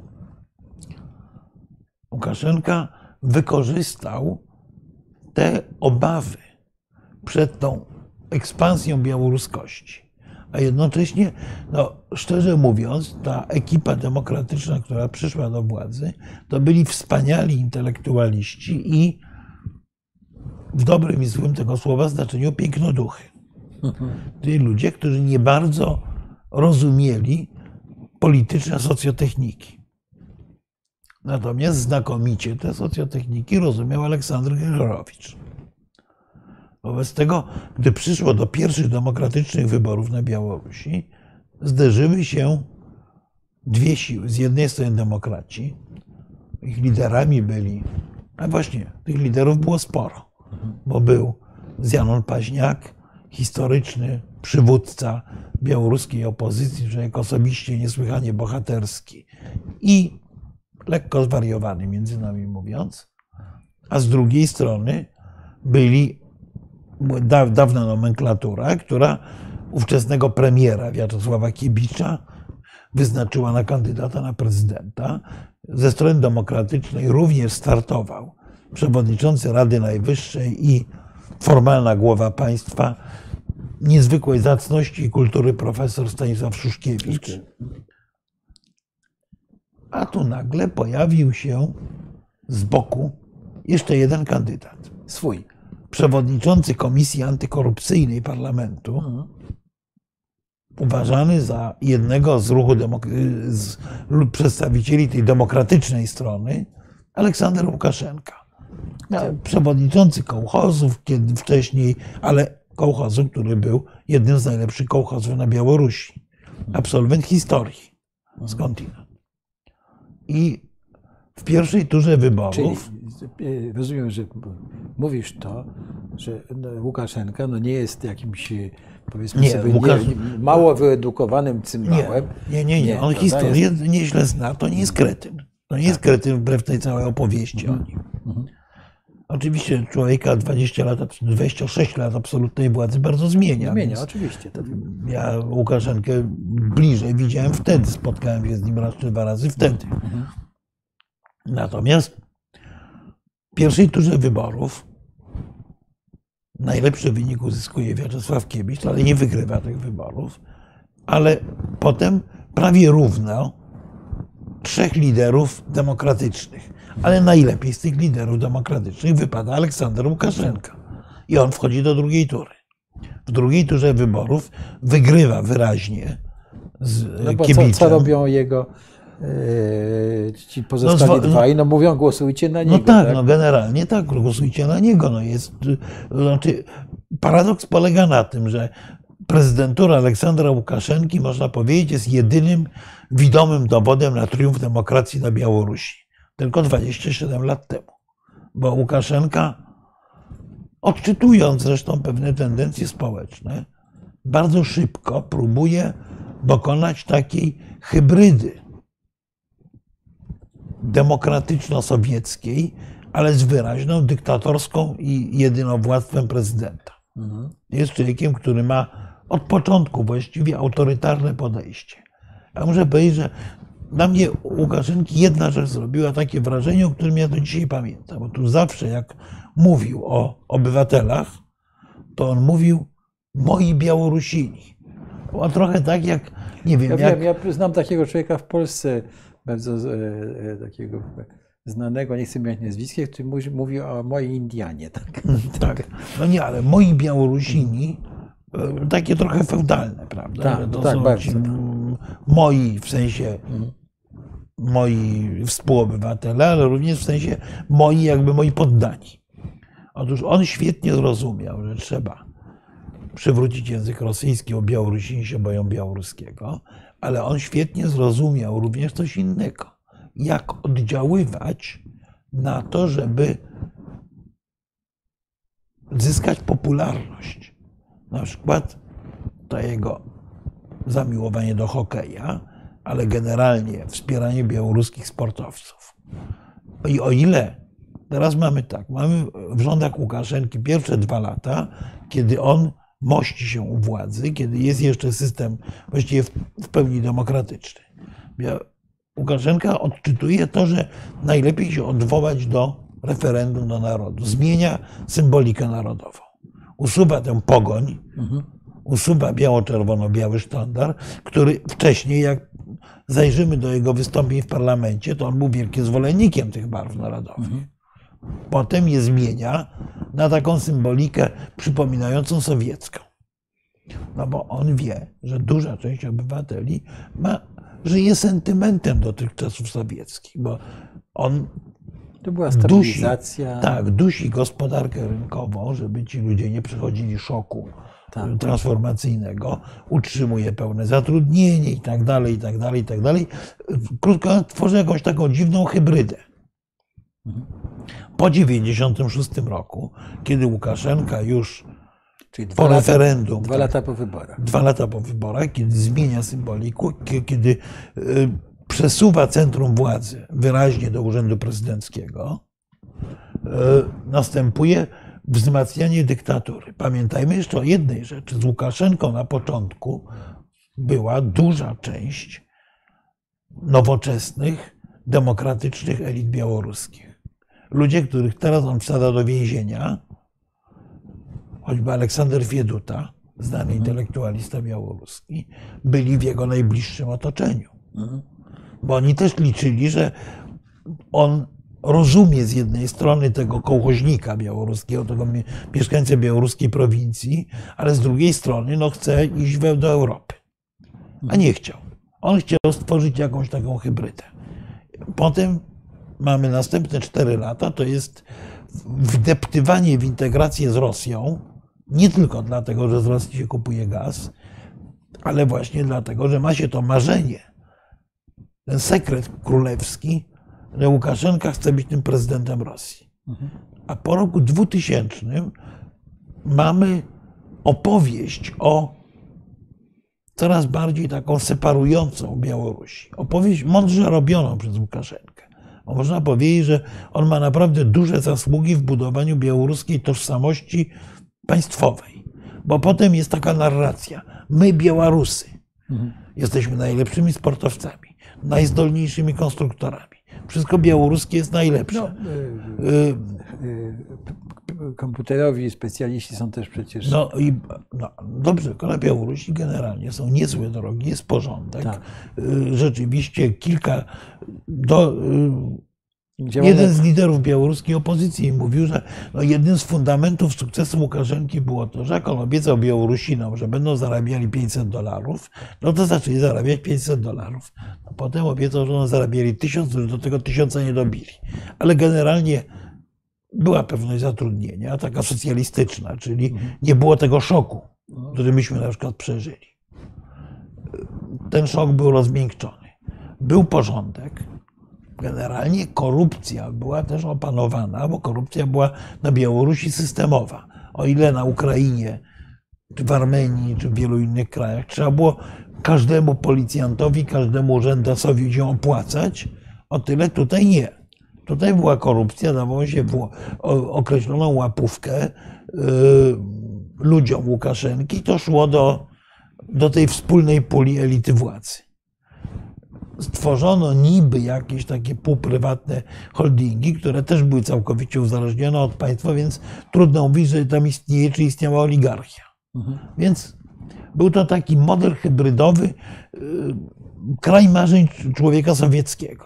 No, jest, prawdę mówiąc, przypomnijmy sobie, y, nie wiem, epokę gierkowską, nie mówiąc już o Gomułce. Mhm. Więc jeżeli Masz względnie rynkową gospodarkę, możesz wszystko kupić w sklepie. Możesz dowolnie wyjeżdżać za granicę. Masz jakąś tam w miarę wolną prasę, masz opozycyjne partie. No szczerze mówiąc, jakby nam to zaproponowali w 1972 roku, to bierzemy w ciemno. Ciemno, oczywiście. Prawda? Tak. Więc, więc tak naprawdę no, to on stworzył taki skansen dla skansen marzeń homo sovieticus. Tylko no, w pewnym momencie to się zaczęło sypać. Zaczęło się sypać z kilku powodów. No, pojawiło się pokolenie, które nie pamiętało czasów sowieckich, a które podróżowało do Polski. Więcej. Podróżowało do Polski, do Francji do, no i widziało, że na Białorusi jest w sumie gorzej. Mhm. No chcemy więcej. Chcemy prawa do wolności, chcemy prawa głosu. A poza tym, no, zaczęli być zmęczeni tym Łukaszenką po kilkunastu latach. Ale jeszcze myślę, że do roku 2020 czy 2019 udawało mu się mieć realną większość. Znaczy fałszował wybory, zwalczał opozycję, mordował swoich przeciwników politycznych, a dawnych sojuszników. No pierwszym był yy, szef kontroli, a wcześniej premier Ganczar, prawda? Mhm. który zniknął. Prawdopodobnie zamordowany właśnie przez yy, siepaczy Łukaszenki. No, takich postaci było kilka czy kilkanaście. Ale od pewnego momentu no, ludzie przestali go tolerować. Te wybory przegrał. Wszystkie w miarę niezależne obserwacje wskazują, że Łukaszenka przegrał, choć nie tak, jak często mówi Svetlana Cichanowska. Prawdopodobnie Cichanowska wygrała je 60 do 40, 55 do 45. To nie było tak, że Łukaszenka kompletnie je przegrał. Mhm. Ale oczywiście je sfałszował i ludzie uznali, że im napluto w twarz. Oni poszli głosować, oni wybrali, po czym im powiedzieli, że głosowali zupełnie inaczej. Mhm. I to, tu nastąpił przełom, bo popularność Łukaszenki poleciała z pieca na łeb i nie ma za bardzo możliwości jej odbudowy. W tej chwili Łukaszenka trzyma się na, e, na bagnetach, e, tak naprawdę trzyma się na strukturach siłowych, które, tutaj jest pytanie, czy wojsko i służby e, Białorusi są podporządkowane Rosji. W dużej, wojsko w dużej części tak, służby w dużej części nie. To znaczy, Łukaszenka stale prowadzi politykę czystek w służbach. Wojsko jest zintegrowane z Rosjanami, natomiast no jest, jest pewna samodzielność. Natomiast służby, trudno powiedzieć. Na pewno Rosjanie mają tam ogromne wpływy, ale myślę, że służby są w dużo, w dużo bardziej lojalne wobec Łukaszenki niż no, wojsko. Przypomnij sobie takie incydenty, gdzie oni no, agentów y, rosyjskich przecież. No nie, nie, no, oni w ogóle, w ogóle ta ofensywa antyrosyjska tak, w roku 2019-2020 tak. była oczywista. Tak. Ale Łukaszenka stale zmienia ludzi w służbach właśnie dlatego, że nie wierzy w, y, nie, nie wierzy w, w ich lojalność wobec siebie, że będzie większa niż wobec Rosjan. Wobec tego cały czas tu następują zmiany, natomiast oczywiście wpływy rosyjskie są gigantyczne i nie jesteśmy w stanie zdefiniować, czy to jest pakiet większościowy w służbach, czy nie. Natomiast na pewno są bardzo, są bardzo mocne. Tutaj jeszcze no jest w ogóle sporo, sporo, sporo tak. kwestii postawionych. To może przewlijmy, no bo e, chciałbym Cię jeszcze zapytać, e, doszliśmy do tych ostatnich wyborów sfałszowanych, no już dalej wiemy, co się stało, prawda, represje olbrzymie, ale w tym całym ciągu, o którym mówisz, y, żeśmy pominęli tą białoruską socjalistyczną republikę, ona była utworzona po to, żeby Rosjanie mieli większą reprezentację w. ONZ. Tak. No tak, tak, Białoruś tak? i Ukraina cały tak. czas były formalnie tak. Myśmy... państwami niepodległymi z przedstawicielami w ONZ, z Ministerstwem Spraw Zagranicznych i tak Przypomnijmy tylko, że w, w przełomie lat 89 roku, 90 myśmy to wykorzystali prowadząc tą dwutorową politykę. Czyli... Aczkolwiek z Białorusią to wyszło najgorzej, bo jedynym krajem, którym, w którym e, Skubiszewskiego, który przyjechał podpisywać umowę dwustronną, potraktowano lodowato, była właśnie Białoruś. Białoruś. Właśnie, to zaraz do tego, bo to się może wiązać z tym e, pytaniem, e, czy komentarzem, który jest tutaj, że za czasów Szuszkiewicza Polaków bardzo źle tam traktowano. To być może jak, ale... ale... Znaczy, no bo, bo to jest to jest historia, którą ja sam przeżywałem, jak mówię, z człowiekiem wielkiej szlachetności i odwagi, z Janonem Paźniakiem. Mhm. Ja pamiętam, jak Paźniak powiedział, że jego rodzina to jest rodzina prawdziwie patriotyczna białoruska, bo oni, bo oni siedzieli w więzieniach polskich, rosyjskich, sowieckich i niemieckich. Mhm. No tak, to, no ma, mamy echa naszej tak, drugiej Rzeczpospolitej, tak która. No i, tak. i w ogóle to wcześniejszego tak, i, I wcześniejszego, tak, ale. Yy, jeszcze, czyli mm, ta dwutorowa polityka w stosunku do Białorusi mówisz, była naj, najtrudniejsza. Skubiszewski przyjęty do tak. debato. Zresztą no, ja byłem w delegacji Lecha Wałęsy na Białorusi. Ja pamiętam, jak Wałęsa w parlamencie białoruskim, tym, któremu przewodniczył Szuszkiewicz, mhm. ale w którym większość mieli, no, miały twarde komuchy, mówiąc brutalnie. Tak. Otóż ja pamiętam, jak Wałęsa przemawiał jak przemawiał, mówił o wolności, o solidarności. No, bardzo ładnym językiem to opowiadał. Wałęsa umiał to tak. opowiedzieć. Ja siedziałem e, na, na, miejscach, na miejscach dla gości parlamentu i czułem, fizycznie się czuło, jak narasta nienawiść. Jak ci ludzie uważają, że ten Wałęsa to jest ten najgorszy wróg. To jest ten, który przyniósł te wszystkie bezsensowne, wredne, wolnościowe, kapitalistyczne, antysowieckie prądy. Tak. Y, no, przywódca państwa, jeden z pierwszych, którzy przyjechali na Białoruś, przemawia w parlamencie. Tak. I spotyka się z taką lodowatą niechęcią. Takie rachityczne oklaski kilkunastu posłów i, i wyraźna wrogość wobec całej idei, którą już za sobą Wałęsa. Czyli na to się nałożyło e, e, też jeszcze ta niechęć do przemian. Tak, tak, tak, tak, czyli, tak, tak, czyli, dobrze, No bo ale... to, był, to był ten parlament, gdzie dobrze, brylował generał Dubynin no, no i no kilkunastu tak, innych y, Marku, rosyjskich ale, y, polityków. Tu zarysowaliśmy historię y, Białorusi od wyborów Łukaszenki, tak? Jeszcze przypomnijmy, że Szuszkiewicz Jassie chyba był inicjatorem rozpadu Związku Sowieckiego. no, był, inicjatorem był oczywiście Jelcyn, Jelcyn natomiast tak. Szuszkiewicz był obok prezydenta Ukrainy Krawczuka jednym z sygnatariuszy rozwiązania Związku Sowieckiego, którą to okrągłą rocznicę. Ciekawe, czy nasze polskie rządy będą świętowały. Właśnie, dobrze. E, ale e, obok jest ta, ta, ta Rosja, tak? I y, trzy zdania o, tej, o tej relacji tej Rosji, która też no, jest najpierw y, w okresie smuty, potem przychodzi Putin. Jak się układają te, jak Rosja wpływa na tą zmieniającą się Ukrainę, tak żeby już... Biało...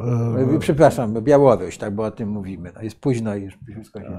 No ja myślę, że Rosjanie, że Rosjanie od początku mieli pomysł na jakieś formy reintegracji imperium. Mhm. A w tym imperium były dwa kręgi wewnętrzne, które były dla Rosjan szczególnie istotne.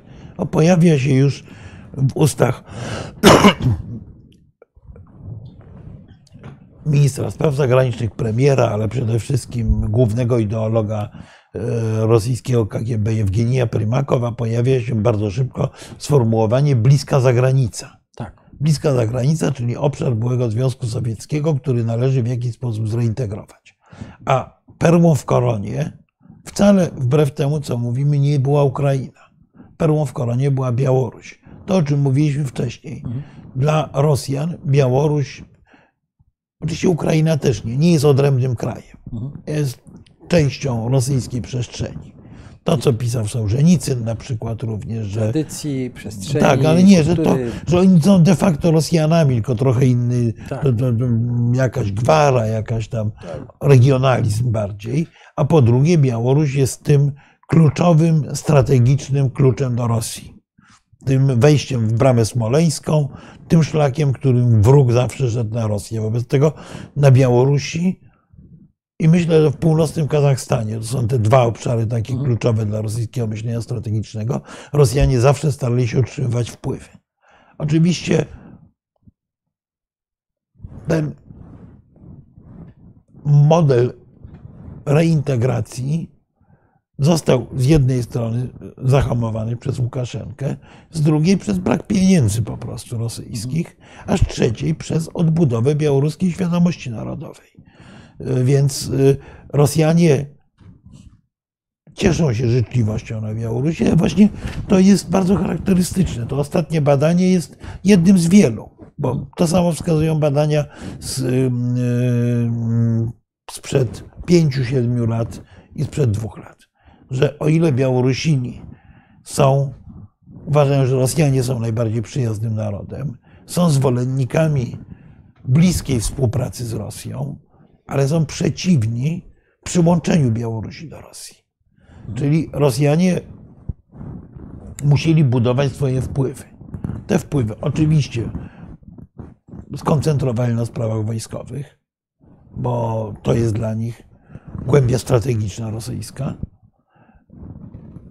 ale również pamiętajmy, że Rosja jest bogatsza. Że Rosja do ubiegłego roku była tym krajem, do którego wyjeżdżało najwięcej białoruskich studentów studiujących za granicą. Mhm. Od zeszłego roku to jest Polska. E, że Rosja jest krajem, przez który docierają nowinki kulturalne. Bo o ile na przykład w republikach bałtyckich, czy ostatnio na Ukrainie, ogromne pieniądze przeznacza się na to, żeby książki wydawać w rodzimym języku, mimo że praktycznie większość, no w tej chwili już coraz mniej, ale jeszcze kilkanaście lat temu praktycznie wszyscy przedstawiciele czytającej elity mówili po rosyjsku.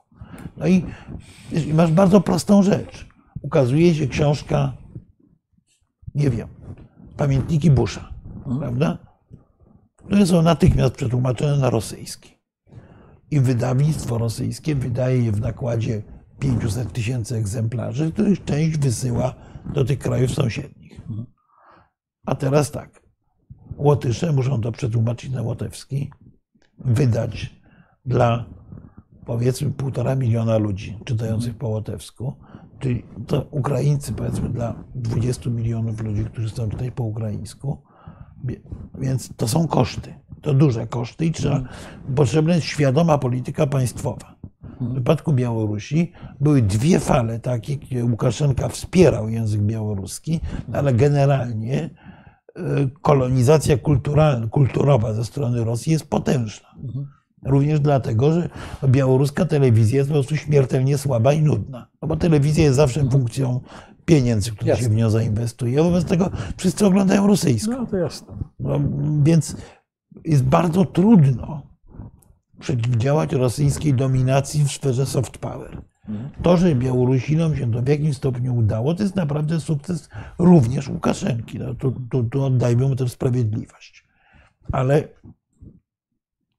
ale z drugiej strony, no oczywiście, gdyby kontynuować tę politykę, którą prowadził Szuszkiewicz, czy ta wąska grupa intelektualistów wokół niego, to naturalnie można powiedzieć, że byłoby tak jak na Łotwie, że byłyby finansowane tłumaczenia na białoruski, że ludzie mówili po białorusku, bo szkoły byłyby białoruskie i tak dalej, i tak dalej, co być może w pewnym momencie byłoby dla obywateli bolesne, ale potem dałoby znakomite efekty. Efekty, no, żeby świadomo. To Łukaszenka z kolei stracił. stracił. Więc. Yy, tak, ale e, rozumiem, że w Rosji zawsze były żywy ten, e, to zjednoczenie. Dla Rosji. I ta, i ta nie, Białoruś, była, Białoruś nie, nie, O ile kulica nie ptica, Polska nie zagranica, tak. to jest dowcip, po tyle Białoruś nigdy nie była postrzegana jako zagranica przez Rosję była traktowana jako część rosyjskiej przestrzeni i to, że jakoś się oddziela, to było dla Rosjan w ogóle wielką, e, wielką niespodzianką i, i budziło ich cały czas zdziwienie, a czasami irytację. I, I, budzi cały czas. I budzi. I, tak. Znaczy już w tej chwili może nie, bo, bo, e, bo mają nieco Putin inne, zaakceptował. Mają nieco inne podejście. Natomiast oczywiście, no nie wiem, myślą o Białorusinach tak jak my, ja wiem o Góralach czy Kaszubach. No. Jasne.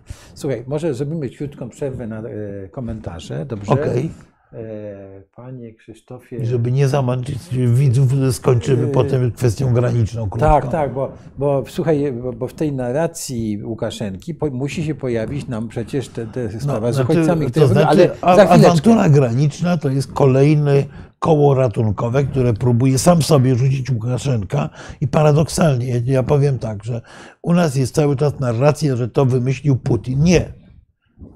To wymyślił Łukaszenka przeciwko Putinowi, a ponieważ Rosjanie nie są idiotami, tylko są sprawnymi politykami, to w tej chwili starają się to wykorzystać. No tak. Ale mają Jak z tym też problem. Za, za chwileczkę, ale wróćmy, czy mamy tutaj e, langusta żywi się owocami morza? Tutaj nie. Bardzo dziękuję. No to znowu popychamy Białoruś do Rosji. Tak. No, e, ja bym powiedział, tak, to jest, to jest pewien problem. To jest, pewien to jest problem, panie Piotrze, problem, tak. E, bo tylko tak. Z jednej strony no, nie można rozmawiać z bandytą, a Łukaszenka przekroczył próg bandytyzmu po prostu. Jest nieuznawany. Tak. Nie możemy uznać jego prezydentury po czyli, tym, jak on czyli, potraktował własnych obywateli. Czyli, czyli, tu mamy taki konflikt pomiędzy mamy real, real, alternatywę. real polityk, tak. tak polityką tak. realną, a, a z drugiej strony y, konflikt pomiędzy jak się odnieść do wartości, które jeszcze ciągle jak mam no, nadzieję, tak, wyznajemy. Tak, nie, no, nie, nie, nie, możemy w tej chwili wejść w, w pełny, pełnowymiarowy dialog z Łukaszenką.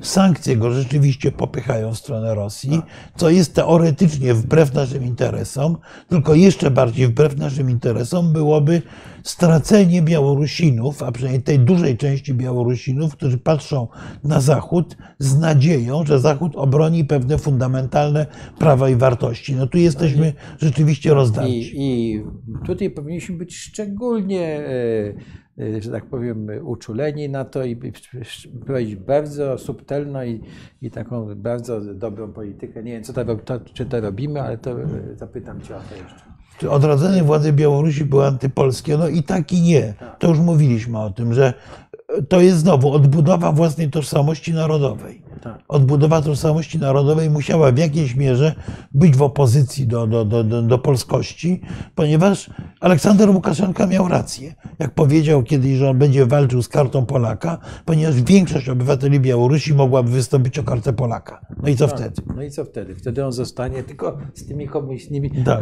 Rosjanami. Tak?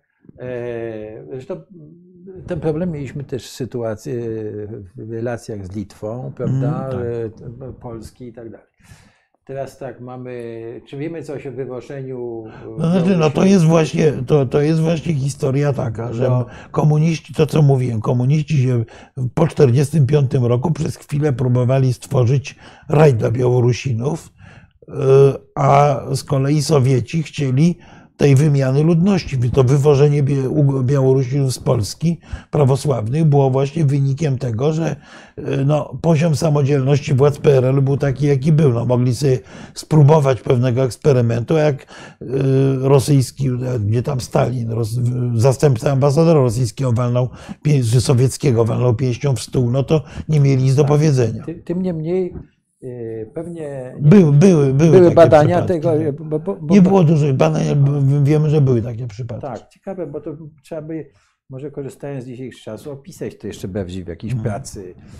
No, myślę, że prędzej czy później, zwłaszcza sporo młodych ludzi z Białorusi przyjeżdża do Polski to to, studiować, to, to powstaną te prace. Co dalej z Łukaszenką, to dojdziemy do tego, bo wrócimy do znaczy, myśl, Myślę, że tak, że Rosja chce doprowadzić do jego zmiany. Myślę, że w tej chwili to, co leży na stole, to jest rzeczywiście model kazachstański, a co z tego? Łukaszenka próbuje się przed tym obronić, a Rosjanie oczywiście próbują ten model kazachstański zamienić na armiański. Mhm. Teraz tak, Łukaszenka showed how his guests feed them with caviar and champagne, of course. Mm. The ticket to Belarus was uh, very expensive. nie, no tak, a tu... No, właściwie to, no, no, nie, nie wszyscy chcą tam jechać chyba. Mm, tak, a jeśli, jeśli chodzi o Rosjan, to, to istotnie the ticket to Belarus was, is very expensive. Uh, it's too, too much expensive for Russians, I mean. Even, uh, even for Russians too expensive. Yeah especially for Russians.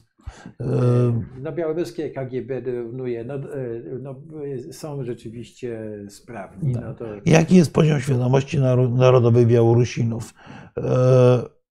Znacząco większy niż 20 lat temu. Czy czują się silną wspólnotą narodową? Czują się wspólnotą, to już jest dużo. Bo punkt wyjścia był taki, że to było bardzo labilne. Białorusini mają mocną świadomość państwową i coraz mocniejszą świadomość narodową, bym tak powiedział. Czy na Białorusi dojdzie do kontrolowanej zmiany władzy? Wiele wskazuje na to, że tak, ale pewności nie mamy. Tak, ale e, prawdopodobnie.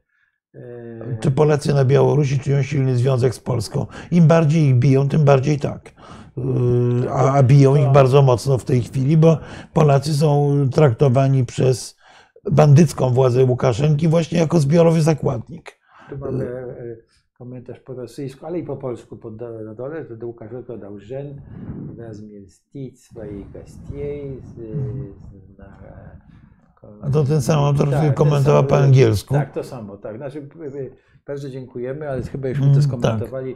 Tak. E, e, Krzysiu, do, nie ma. więcej nie ma, tak? Mm. No dobrze, to teraz. No i teraz mamy Jaka czy jest... po podpisaniu przez Łukaszenkę, to jest dość kluczowe, tak. programów pogłębienia relacji Białorusi z Rosją możliwy jest pokojowy powrót do niezależności Białorusi. Zależy jakiej niezależności, tak. E, Pani Moniko, bo e, jeżeli mówimy o realnej, pełnej niezależności, to Białoruś ma do tego długą drogę. Jest, uzale jest uzależniona ekonomicznie, jest uzależniona politycznie, e, ma e, bardzo mocną kontrolę wojskową rosyjską i na razie jedyna propozycja realna jest taka, że po zmianie władzy na władzę demokratyczną Unia Europejska jest gotowa przeznaczyć, bo jest to preliminowane w budżecie, 3 miliardy euro na odbudowę gospodarki białoruskiej. To jest, czyli pamiętajmy, że Rosjanie są silni własnościowo, dominują ekonomicznie. Białoruś jest gospodarką peryferyjną wobec Rosji i tak dalej. Czyli możliwość pełnej niezależności Białorusi to jest długa droga. Natomiast oczywiście jest pytanie, czy jest możliwe wyhamowanie, ja bym powiedział, tonięcia Białorusi w rosyjskim morzu. I tu, tu znowu mogę powiedzieć, mam nadzieję, że tak, bo jest taka zabawna analiza zrobiona przez rosyjską służbę wywiadu chyba trzy lata temu, z której wynika jedna rzecz. To zostało opublikowane w jakichś fragmentach e, w oficjalnych mediach. To nie jest tak, że ja czytam papiery FSB czy KGB białoruskiego, ale, ale zostało tam napisane, że Białoruś jest jako społeczeństwo, jako państwo krajem najlepiej przygotowanym do podpisania umowy stowarzyszeniowej z Unią Europejską. To było przez kremlowskich analityków opisane w kategorii zagrożenia. Że ta Białoruś może uciec na zachód. I białoruskie społeczeństwo, co ja pisałem właśnie jeszcze w podziemiu, jest paradoksalnie chyba najbardziej zachodnim z tych społeczeństw y, y, obszaru sowieckiego, no z wyjątkiem krajów bałtyckich oczywiście. Tak. Najbardziej zachodnim w, w, sposobie myślenia i w mentalności. To jest zabawne, ale tak, tak, tak, tak jest. Wobec tego są narzędzia do uzyskania przez Białoruś pełnej nie, nie, niezależności, ale to są narzędzia, które mogą być użyte tylko wtedy, jeżeli osłabnie Rosja. Ponieważ jeżeli by na przykład zdarzyło się coś takiego, że na Białorusi wygrywa, przejmuje władzę prozachodnia, prozachodni ruch demokratyczny, to mamy właściwie pewność, że będzie powtórzony scenariusz czechosłowacki czy węgierski, czyli że wejdą wojska rosyjskie i, y, i spacyfikują to do spodu. Białoruś musi w sposób powolny nie antagonizując Rosji, krok po kroku, tak. Oglądając się bardzo mocno za siebie, podążać na zachód, to jest, jest scenariusz optymistyczny. Tak, a y, być może proces historyczny się tak odwróci, że Białoruś, tak jak kiedyś Litwa opanowała całe to i ziemię, prawda, do Morza Nie, no Rosji nie, ale, Rosji nie opanuje, ale miejmy nadzieję... Ale ja tak żartuję, że w historii właśnie... Nie, ale tak jak myśmy mogli odzyskać pełną niepodległość, bo otworzyło się pewne okno tak. możliwości tak. historyczne, tak samo Białorusini muszą wypatrywać tak, tej, tego okna możliwości, żeby, tak, czyli, żeby uciec spod buta rosyjskiego. Czyli jak Bismarck mówił, ująć płaszcz Pana Boga, prawda, tak. jak się zdarzy okazja.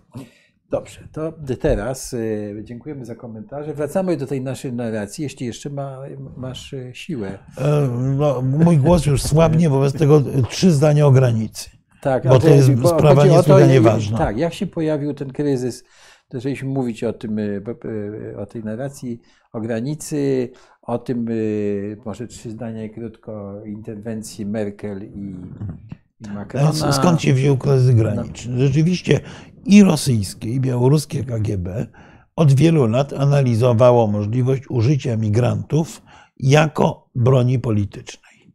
Po kryzysie afgańskim wydawało się, że jest, zresztą cały czas pozostaje ta możliwość, że jest możliwość użycia uchodźców z Afganistanu, bo wcale nie tych z Iraku, jako broni politycznej przeciwko Europie czy Zachodowi w ogóle, no bo co jest celem politycznym Rosji? Demontaż struktur zachodnich. Osłabienie, skłócenie. E, no ale przede wszystkim zdemontowanie struktur, skłócenie Zachodu, żeby Zachód nie występował jako jeden, e, jako jeden kolektywny partner.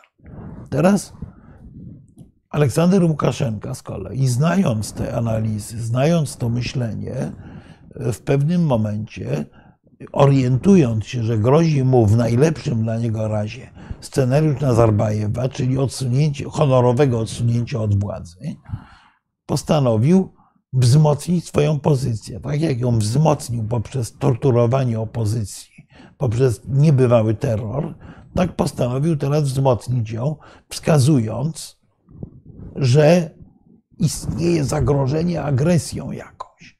A żeby było to zagrożenie agresją, trzeba było zbudować konflikt graniczny.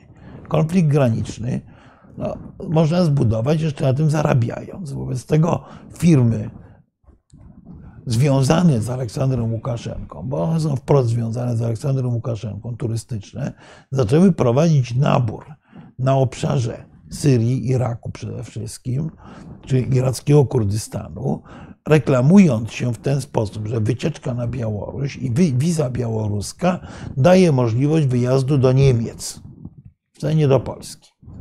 No i ci ludzie zapłacili grube pieniądze, które skasowali ludzie Łukaszenki. Oblicza się, że zarobili na tym no, parę milionów dolarów. Suma nie, nie, nie, nie do pogardzenia, zwłaszcza, że ich odcięto od Zachodu sankcjami, ściągając tych migrantów na teren Białorusi i potem przerzucając ich na granicę litewską, bo chodził najpierw to było na Litwie, tu już pojawiła się zapowiedź, bo Białoruś wypowiedziała traktaty o readmisji z krajami Unii Europejskiej. O readmisji, czyli krótko mówiąc, o zgodzie na przyjmowanie ludzi, którzy nielegalnie przybyli z, ich, z jej terytorium na kraje, do krajów sąsiednich.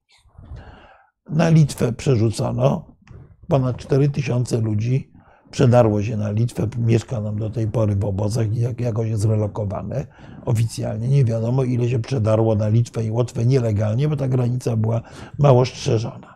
No ale Litwini uszczelnili granicę z jednej strony, z drugiej strony no, uderzenie w Litwę oczywiście było zemstą za to, że Litwini się zaangażowali po stronie białoruskich sił demokratycznych, ale w sensie oddźwięku politycznego czy budowania zagrożenia było żadne. No wiadomo, że Litwa czy Łotwa nie napadną na Białoruś.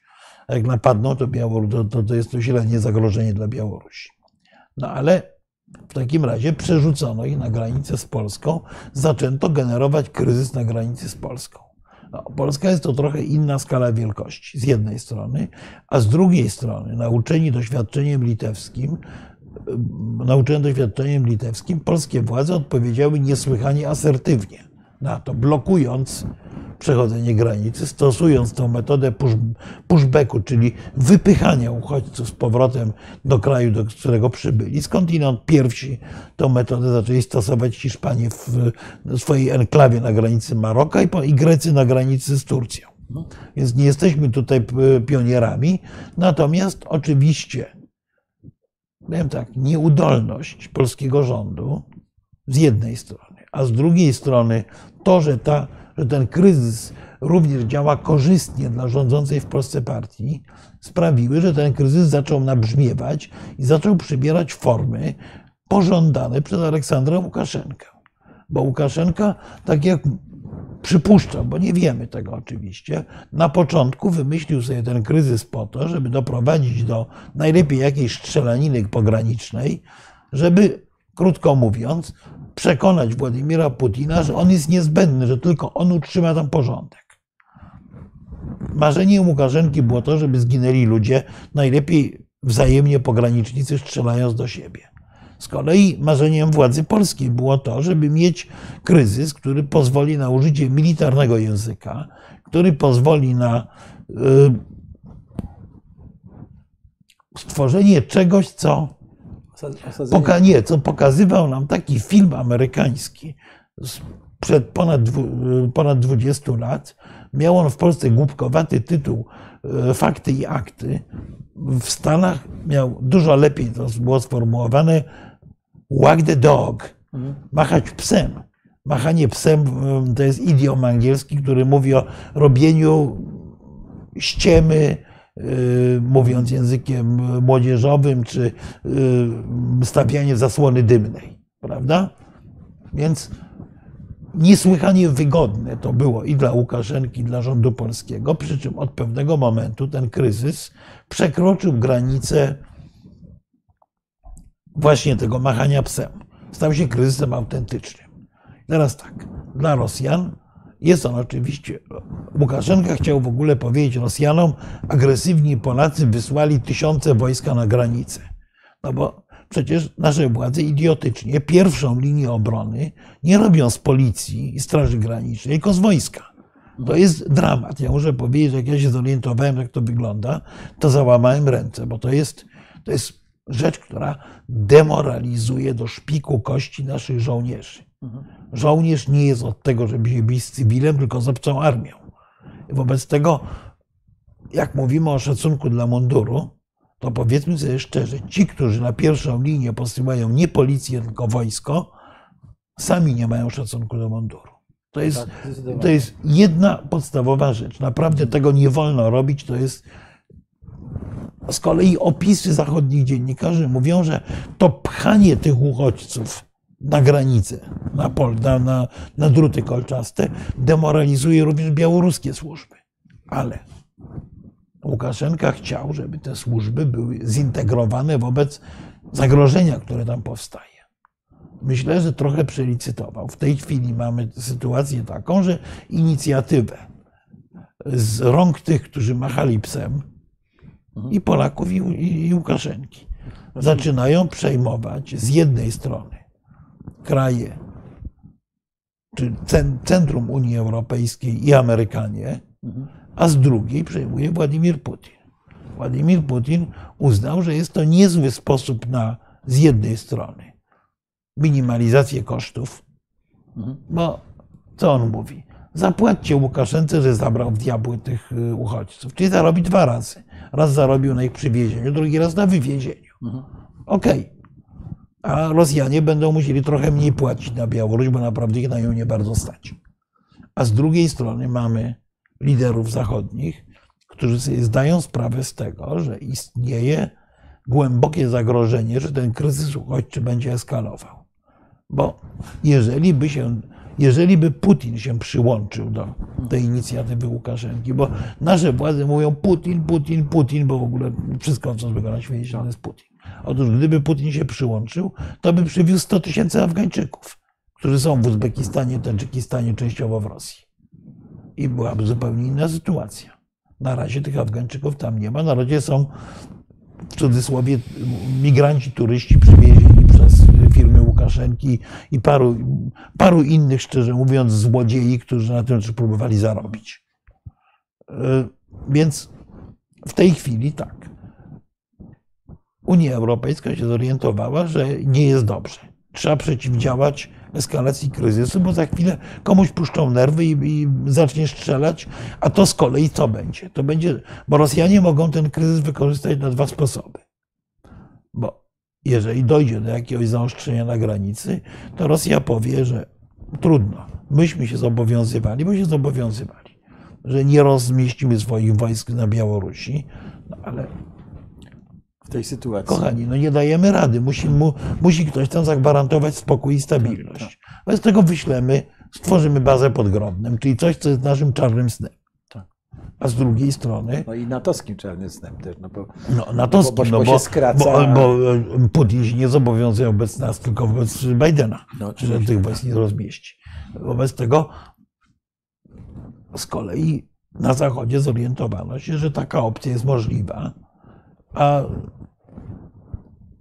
trzeba temu jakoś przeciwdziałać. No więc dlaczego Angela Merkel zadzwoniła do, e, do Aleksandra Łukaszenki? Ja nie jestem entuzjastą tego kroku, aczkolwiek mam wrażenie, że Angela Merkel wytłumaczyła to, na, bo rozmawiała ze Swietą Cichanowską wczoraj, mhm. E, bo, no bo właśnie jest to jakaś forma legitymizacji dyktatora, ale z drugiej strony Merkel chyba uznała, że ona występuje w roli pełniącej obowiązki kanclerza. Jest, jak Amerykanie mówią, kulawą kaczką, bo jest odchodzącym tak. politykiem, który już nie wróci. Czyli jej pozycja. Czyli ona, ona może pozwolić sobie na, na niż... częściową utratę twarzy, tak, bo, tak. bo działa trochę w imieniu własnym, a niekoniecznie całym autorytetem państwa swojego. Z tego ona podjęła próbę mediacji, chyba w jakimś stopniu przynajmniej udaną, czy oswojenia Łukaszenki y, i deeskalacji kryzysu. Problem jest taki, że ten kryzys deeskaluje centrala Unii Europejskiej w osobie Borela, deeskaluje pani von der Leyen, deeskaluje Angela Merkel, rozmawia na ten temat Macron z Putinem, a gdzie są władze polskie? Czyli y, ja to zawsze mam takie skojarzenie. Jeśli temu mieliśmy. Tutaj... Z rozpaczym Morawiecki podróżuje po krajach bałtyckich, no bo tak, tam z nim tak. o tym rozmawiają, bo tak, mają poczucie tak. głębokiego zagrożenia. To po prostu tak. Ja mam takie, wiesz, y, i, y, nie, dwa tygodnie temu mieliśmy, była tu rozmowa o Monachium, że to jest taki rodzaj no, y, takiego mini, mini, mini jakiejś takiej mm, sytuacji. No może prawda, nie, że, nie że zostaliśmy, Monachium, ale... zostaliśmy absolutnie, wykluczyliśmy się. No, ale sami się wykluczyliśmy, nikt procesu, nas nie wykluczył. Tak. Myśmy się wykluczyli, tak. bo o ile z rozmów y, mocarstw po I wojnie światowej, czy z rozmów również mocarstw z Hitlerem, nas wykluczano, tak. o tyle my się tutaj sami wypisaliśmy tak. dla małego politycznego interesiku nadęcia się mocarstwowego, jak to my Nie, sobie no, poradzimy. Ale też interesiku, gdzie przedkładamy interes e, zdobycia, utrzymania znaczy władzy partyjny, partii, partyjny nad interes państwa. Rzeczpospolitej. Tak, tak? No to... interes państwa nad interes Europy. Tak, tak. To jest, to mówię, to jest przerażające, bo jeszcze zapłacimy cenę rzeczywiście ogromnych strat moralnych w wojsku. Tak. To jest pytanie, jak długo będziemy to odbudowywać. Mam wrażenie, że prowadzimy politykę niemądrą i politykę, która koniec końców chyba przestanie być opłacalna, bo y, długość trwania tego kryzysu sprawi, że jeżeli nie dojdzie tam do autentycznych start zbrojnych, sprawi, że no, jesteśmy, rząd się okaże nieskuteczny po prostu, no bo nie można być e, nieustannie w stanie takiego napięcia i stanu wyjątkowego. Ale jest jeszcze jedna rzecz, bo mówimy, jak Putin skorzystał. Z jednej strony, że nie tak, musi tyle tak. płacić, że ma możliwość Putin ma za darmo... gdzieś w tyle głowy, możliwość rozmieszczenia wojska. W każdym tak. razie mogę, może nie rozmieszczenie tych wojsk sprzedać za kolejne miliardy, tak. czy za osłabienie zachodnich sankcji wobec siebie, bo o ile Amerykanie mówią, że po sankcjach no, Nord Stream i tak dalej, i tak dalej, no dobra, tylko oni też nie chcą napięcia, nie chcą wojsk rosyjskich y, w odległości y, kilkunastu kilometrów od granicy polsko-litewskiej. Wobec tego pewnie będą skłonni za to zapłacić. Ale jest jeszcze jedna rzecz rzeczywiście bardzo niepokojąca, że był taki artykuł w zeszłym roku, chyba w lutym czy w marcu, w jednym z amerykańskich czasopism wojskowych profesora Matiska, e, artykuł mówiący o tym, że każdy, każda wojna hybrydowa prowadzona przez Rosję jest inna. Spodziewajmy się czegoś zupełnie nowego. I w tej chwili wywiad amerykański ostrzega bardzo głośno, że być może to, co dzieje się na Białorusi w tej chwili, jest zasłoną dymną wobec pomysłu na agresję rosyjską, na, e, czy jakieś zaostrzenie sytuacji na granicy z Ukrainą. To jest oczywiście możliwe. Ta opowieść Matiska notabene jest jeszcze inną, bo on w tym swoim artykule napisał, że e, on by się nie zdziwił, jakby zamiast zielonych, małych zielonych ludzików pojawiły się małe błękitne hełmy, czyli Rosjanie przebrani w hełmy ONZ-owskich sił pokojowych wkraczają na przykład na y, obszar Łotwy, gdzie rozdzielają skłócone społeczności łotewską i rosyjską. rosyjską tak. Wszystko jest możliwe.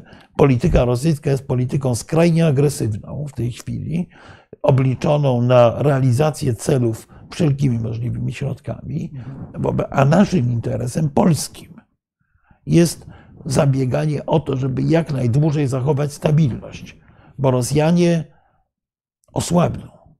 W ciągu dekady mniej więcej Rosja osłabnie i o tym piszą rosyjscy analitycy. Rosja osłabnie, bo będzie miała kryzys sukcesyjny, bo będzie miała kryzys gospodarczy i parę innych rzeczy. Natomiast jeżeli my w tej chwili idziemy na zaostrzanie polityki, to zachowujemy się, mówiąc językiem polityka, którego nie szczególnie ale który ma czasami dobre, dobre porównania, zachowujemy się jak karpie, które wołają o przyspieszenie Bożego Narodzenia. Tak. Czyli y, musimy pamiętać o tym, co zawsze mówi profesor Rotfeld, jak Rosjanie mówią nie pliczą, to znaczy, że oni mają w tym jak największy interes. Nie, no Rosjanie, A mówię to w kontekście takim, Rosjanie są sprawnymi politykami. Tak, Potrafią bardzo. wygrywać kryzys, nawet taki, którego nie sprowokowali, bo w mojej ocenie kryzysu białoruskiego oni nie sprowokowali, natomiast jak im podano go na tacy, no to, no to spróbują go teraz skonsumować. Marku, jest późno. Ja ci bardzo przepraszam. Prze... Tak, ja już niestety zaczynam chrypieć w sposób irytujący dla słuchaczy. Pobiliśmy i wszystkie rekordy, ale tak. E, powiedzieliśmy sobie troszkę o historii Białorusi, powiedzieliśmy sobie, jak wychodzimy z tego kryzysu granicznego, jakie były interesy. Mam nadzieję, że to było dla, e, wszystkie, e, dla wszystkich zrozumiałe i ciekawe. Tutaj cię, padają tak, pod dziwnym pseudonimem komentator Radko Mladic pisze, że Polska ma wołać o pomoc przed Małą Białorusią. Nie, Polska, proszę pana, ma wołać o pomoc i solidarność przed jakąkolwiek destabilizacją, ponieważ nasz interes, tak samo jak był w roku 1938 i 1939, to nie jest interes rewizjonistyczny, a nasi sojusznicy, Węgrzy i Turcy, to są rewizjoniści polityczni w tej chwili, podobnie jak Rosjanie, naszym interesem jest jak najdłużej utrzymać stabilność, doczekać kolejnego okna historycznego, który być może pozwoli na to, żeby zrealizować nasze marzenie i marzenie Piłsudskiego o tym, że na wschodzie mamy kraje zwrócone ku zachodowi pozytywnie. A czy Morawiecki powinien skontaktować się w kwestii kryzysu z Putinem? Prawdopodobnie tak, tylko mam głębokie wątpliwości, czy Władimir Putin podniósłby słuchawkę telefonu od premiera Morawieckiego. Tak. I ja myślę, że do, do tych listy życzeń jeszcze no, w sytuacji, jaka się wytwarza i jaka prawdopodobnie będzie się zmieniać, nie chcę powiedzieć skalować, żeby nie zapeszyć, to jednak e, utrzymywać jedność i wzmacniać Unię Europejską. Prawda? Ale nie, to jest oczywiste, to jest, bo bez, tak. bez jedności unijnej jesteśmy po prostu wystawieni na strzał. I być może ta sytuacja jest kolejnym dowodem tego, e, że polski interes to jest interes pogłębienia integracji, nie potrząsania szabelką i opowiadania o Europie ojczyzn, bo w dzisiejszym świecie, który się bardzo zmienił, tylko głęboko zintegrowana Europa, Europa występująca jako jedność, jest w stanie cokolwiek tak, ugrać. Tak, tak. i to adresujemy do profesora Grosse, który za wszelką cenę cenę, mówi, że, że nie powinna być, e, następować integracja Europy. Czy możemy polecić naszym słuchaczom jakieś lektury, bo padło tutaj Wszystko jest wojną, tak. tytuł. E, to jest książka Marka Budzisza, tak. bardzo, ciekawa, bardzo ciekawa, omawiająca właśnie rosyjską, rosyjskie myślenie strategiczne. I e, tutaj od razu składam taką deklarację, że jeżeli ktoś z Państwa chciałby tą książkę, żeby była w jego bibliotece, tak, no to my do tej biblioteki tę książkę doślemy. Tylko proszę napisać, że, że e, ktoś z Państwa chce tego. Tak? E, mówiliśmy tutaj o Marii ja, Czapskiej jeszcze. No to, to jest bardzo stara rzecz, Europa w rodzinie. Świet, w rodzinie. Świetna opowieść właśnie tak. o tym, jak jak bardzo europejskie były te elity, które zamieszkiwały yy, no, nawet nie Kresy Rzeczpospolitej, bo oni mają tak Czapski pod samym Mińskiem. Yy, więc to, to jest tak. wspaniała lektura. Ja bym polecił jeszcze jedną no. książkę. No. Otóż, yy, jak myślimy o Rosji jako imperium i o przyszłości relacji rosyjskich, to ja bym bardzo polecił e, klasyczną e, książkę Johna Mersheimera Tragizm polityki mocarstw. I proszę Państwa, też mogę zadeklarować, że jeżeli ktoś jest. Wydaje, wydawnictwo Uniwersytet, o ile tak, pamiętam. tak, jeżeli ktoś z Państwa by chciał, żeby była w bibliotece, to też by wyślemy. Warta jest to książka. Wspominaliśmy to też to już o pop, w ramach czy w obszarze popkultury Tadeusza Konwickiego. No tak. Też no to, warto czytać. To, to zawsze, ale to, zawsze, tak. tutaj tych, tych lektur a, na tematy rosyjskie jest mamy, bardzo mamy wiele. Bykowskiego mamy po polsku. Bukowskiego. Przepraszam, Bukowskiego po polsku. Też mamy, ale to, to, tutaj, tutaj tak zastanawiam, co, co jeszcze by Państwu polecić, żeby E, żeby lepiej zrozumieć. Znaczy, na pewno e, ja w tej chwili nie mam w głowie pełnego tytułu, ale ukazał się wspaniały wybór dokumentów o relacjach polsko-białoruskich lat 1918-20, który tak naprawdę mówi o korzeniach białoruskiej tożsamości e, pod redakcją profesora Włodzimierza Mędrzeckiego wydany. To jest chyba węzeł polsko-białoruski, ma to tytuł. Mhm. To, no, Instytut Studiów Politycznych tak. Pan to wydał kilka lat. No, bardzo e, ciekawa i ceniona instytucja. Proszę Państwa, e, to rozmawialiśmy pod auspicjami Stowarzyszenia Atlantyckiego, którego pan Marek Nowakowski jest e, prezesem i pod auspicjami Wszechnicy, czyli Fundacji Wspomagania Wsi, E, mam nadzieję, że było ciekawe. Mam nadzieję, że ja się dużo dowiedziałem. Bardzo Ci dziękuję o historii Białorusi.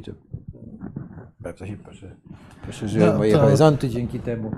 Na, na ten Czas... temat można rozmawiać niestety 8 godzin. No, tak, i, i ta historia się przeplata i Niekoniecznie to jest historia tego, prawda, że e, Batory, e, czy, e, który tam był pod Smoleńskiem, już, już nie no, pamiętam. pod Smoleńskiem był Władysław IV Zygmunt Waza, a Batory tak, był pod Pskowem. Skądinąd, już... skądinąd nie powiedzieliśmy właśnie o tej rywalizacji, że dla opozycji tradycją jest Wielkie Księstwo Litewskie, a Łukaszenka próbuje budować E, historię księstwa połockiego albo księstwa pskowskiego jako tak. tych korzeni Białorusi. Tak, to jest tak. też bardzo ciekawe, ta wojna tak, o historię. Tak, i nie, nie mówiliśmy też o bitwie pod Orszą, która też ma swoją e, niteczkę, prawda, o mhm. Smoleński. Brama Smoleńska się ciągle nam tak. przewija, także mówiliśmy o obszarze, mówiliśmy o obszarze, który jest w historii Polski no ciągle, I, i, ale dla Rosji też ma takie znaczenie. Pozdrawiamy.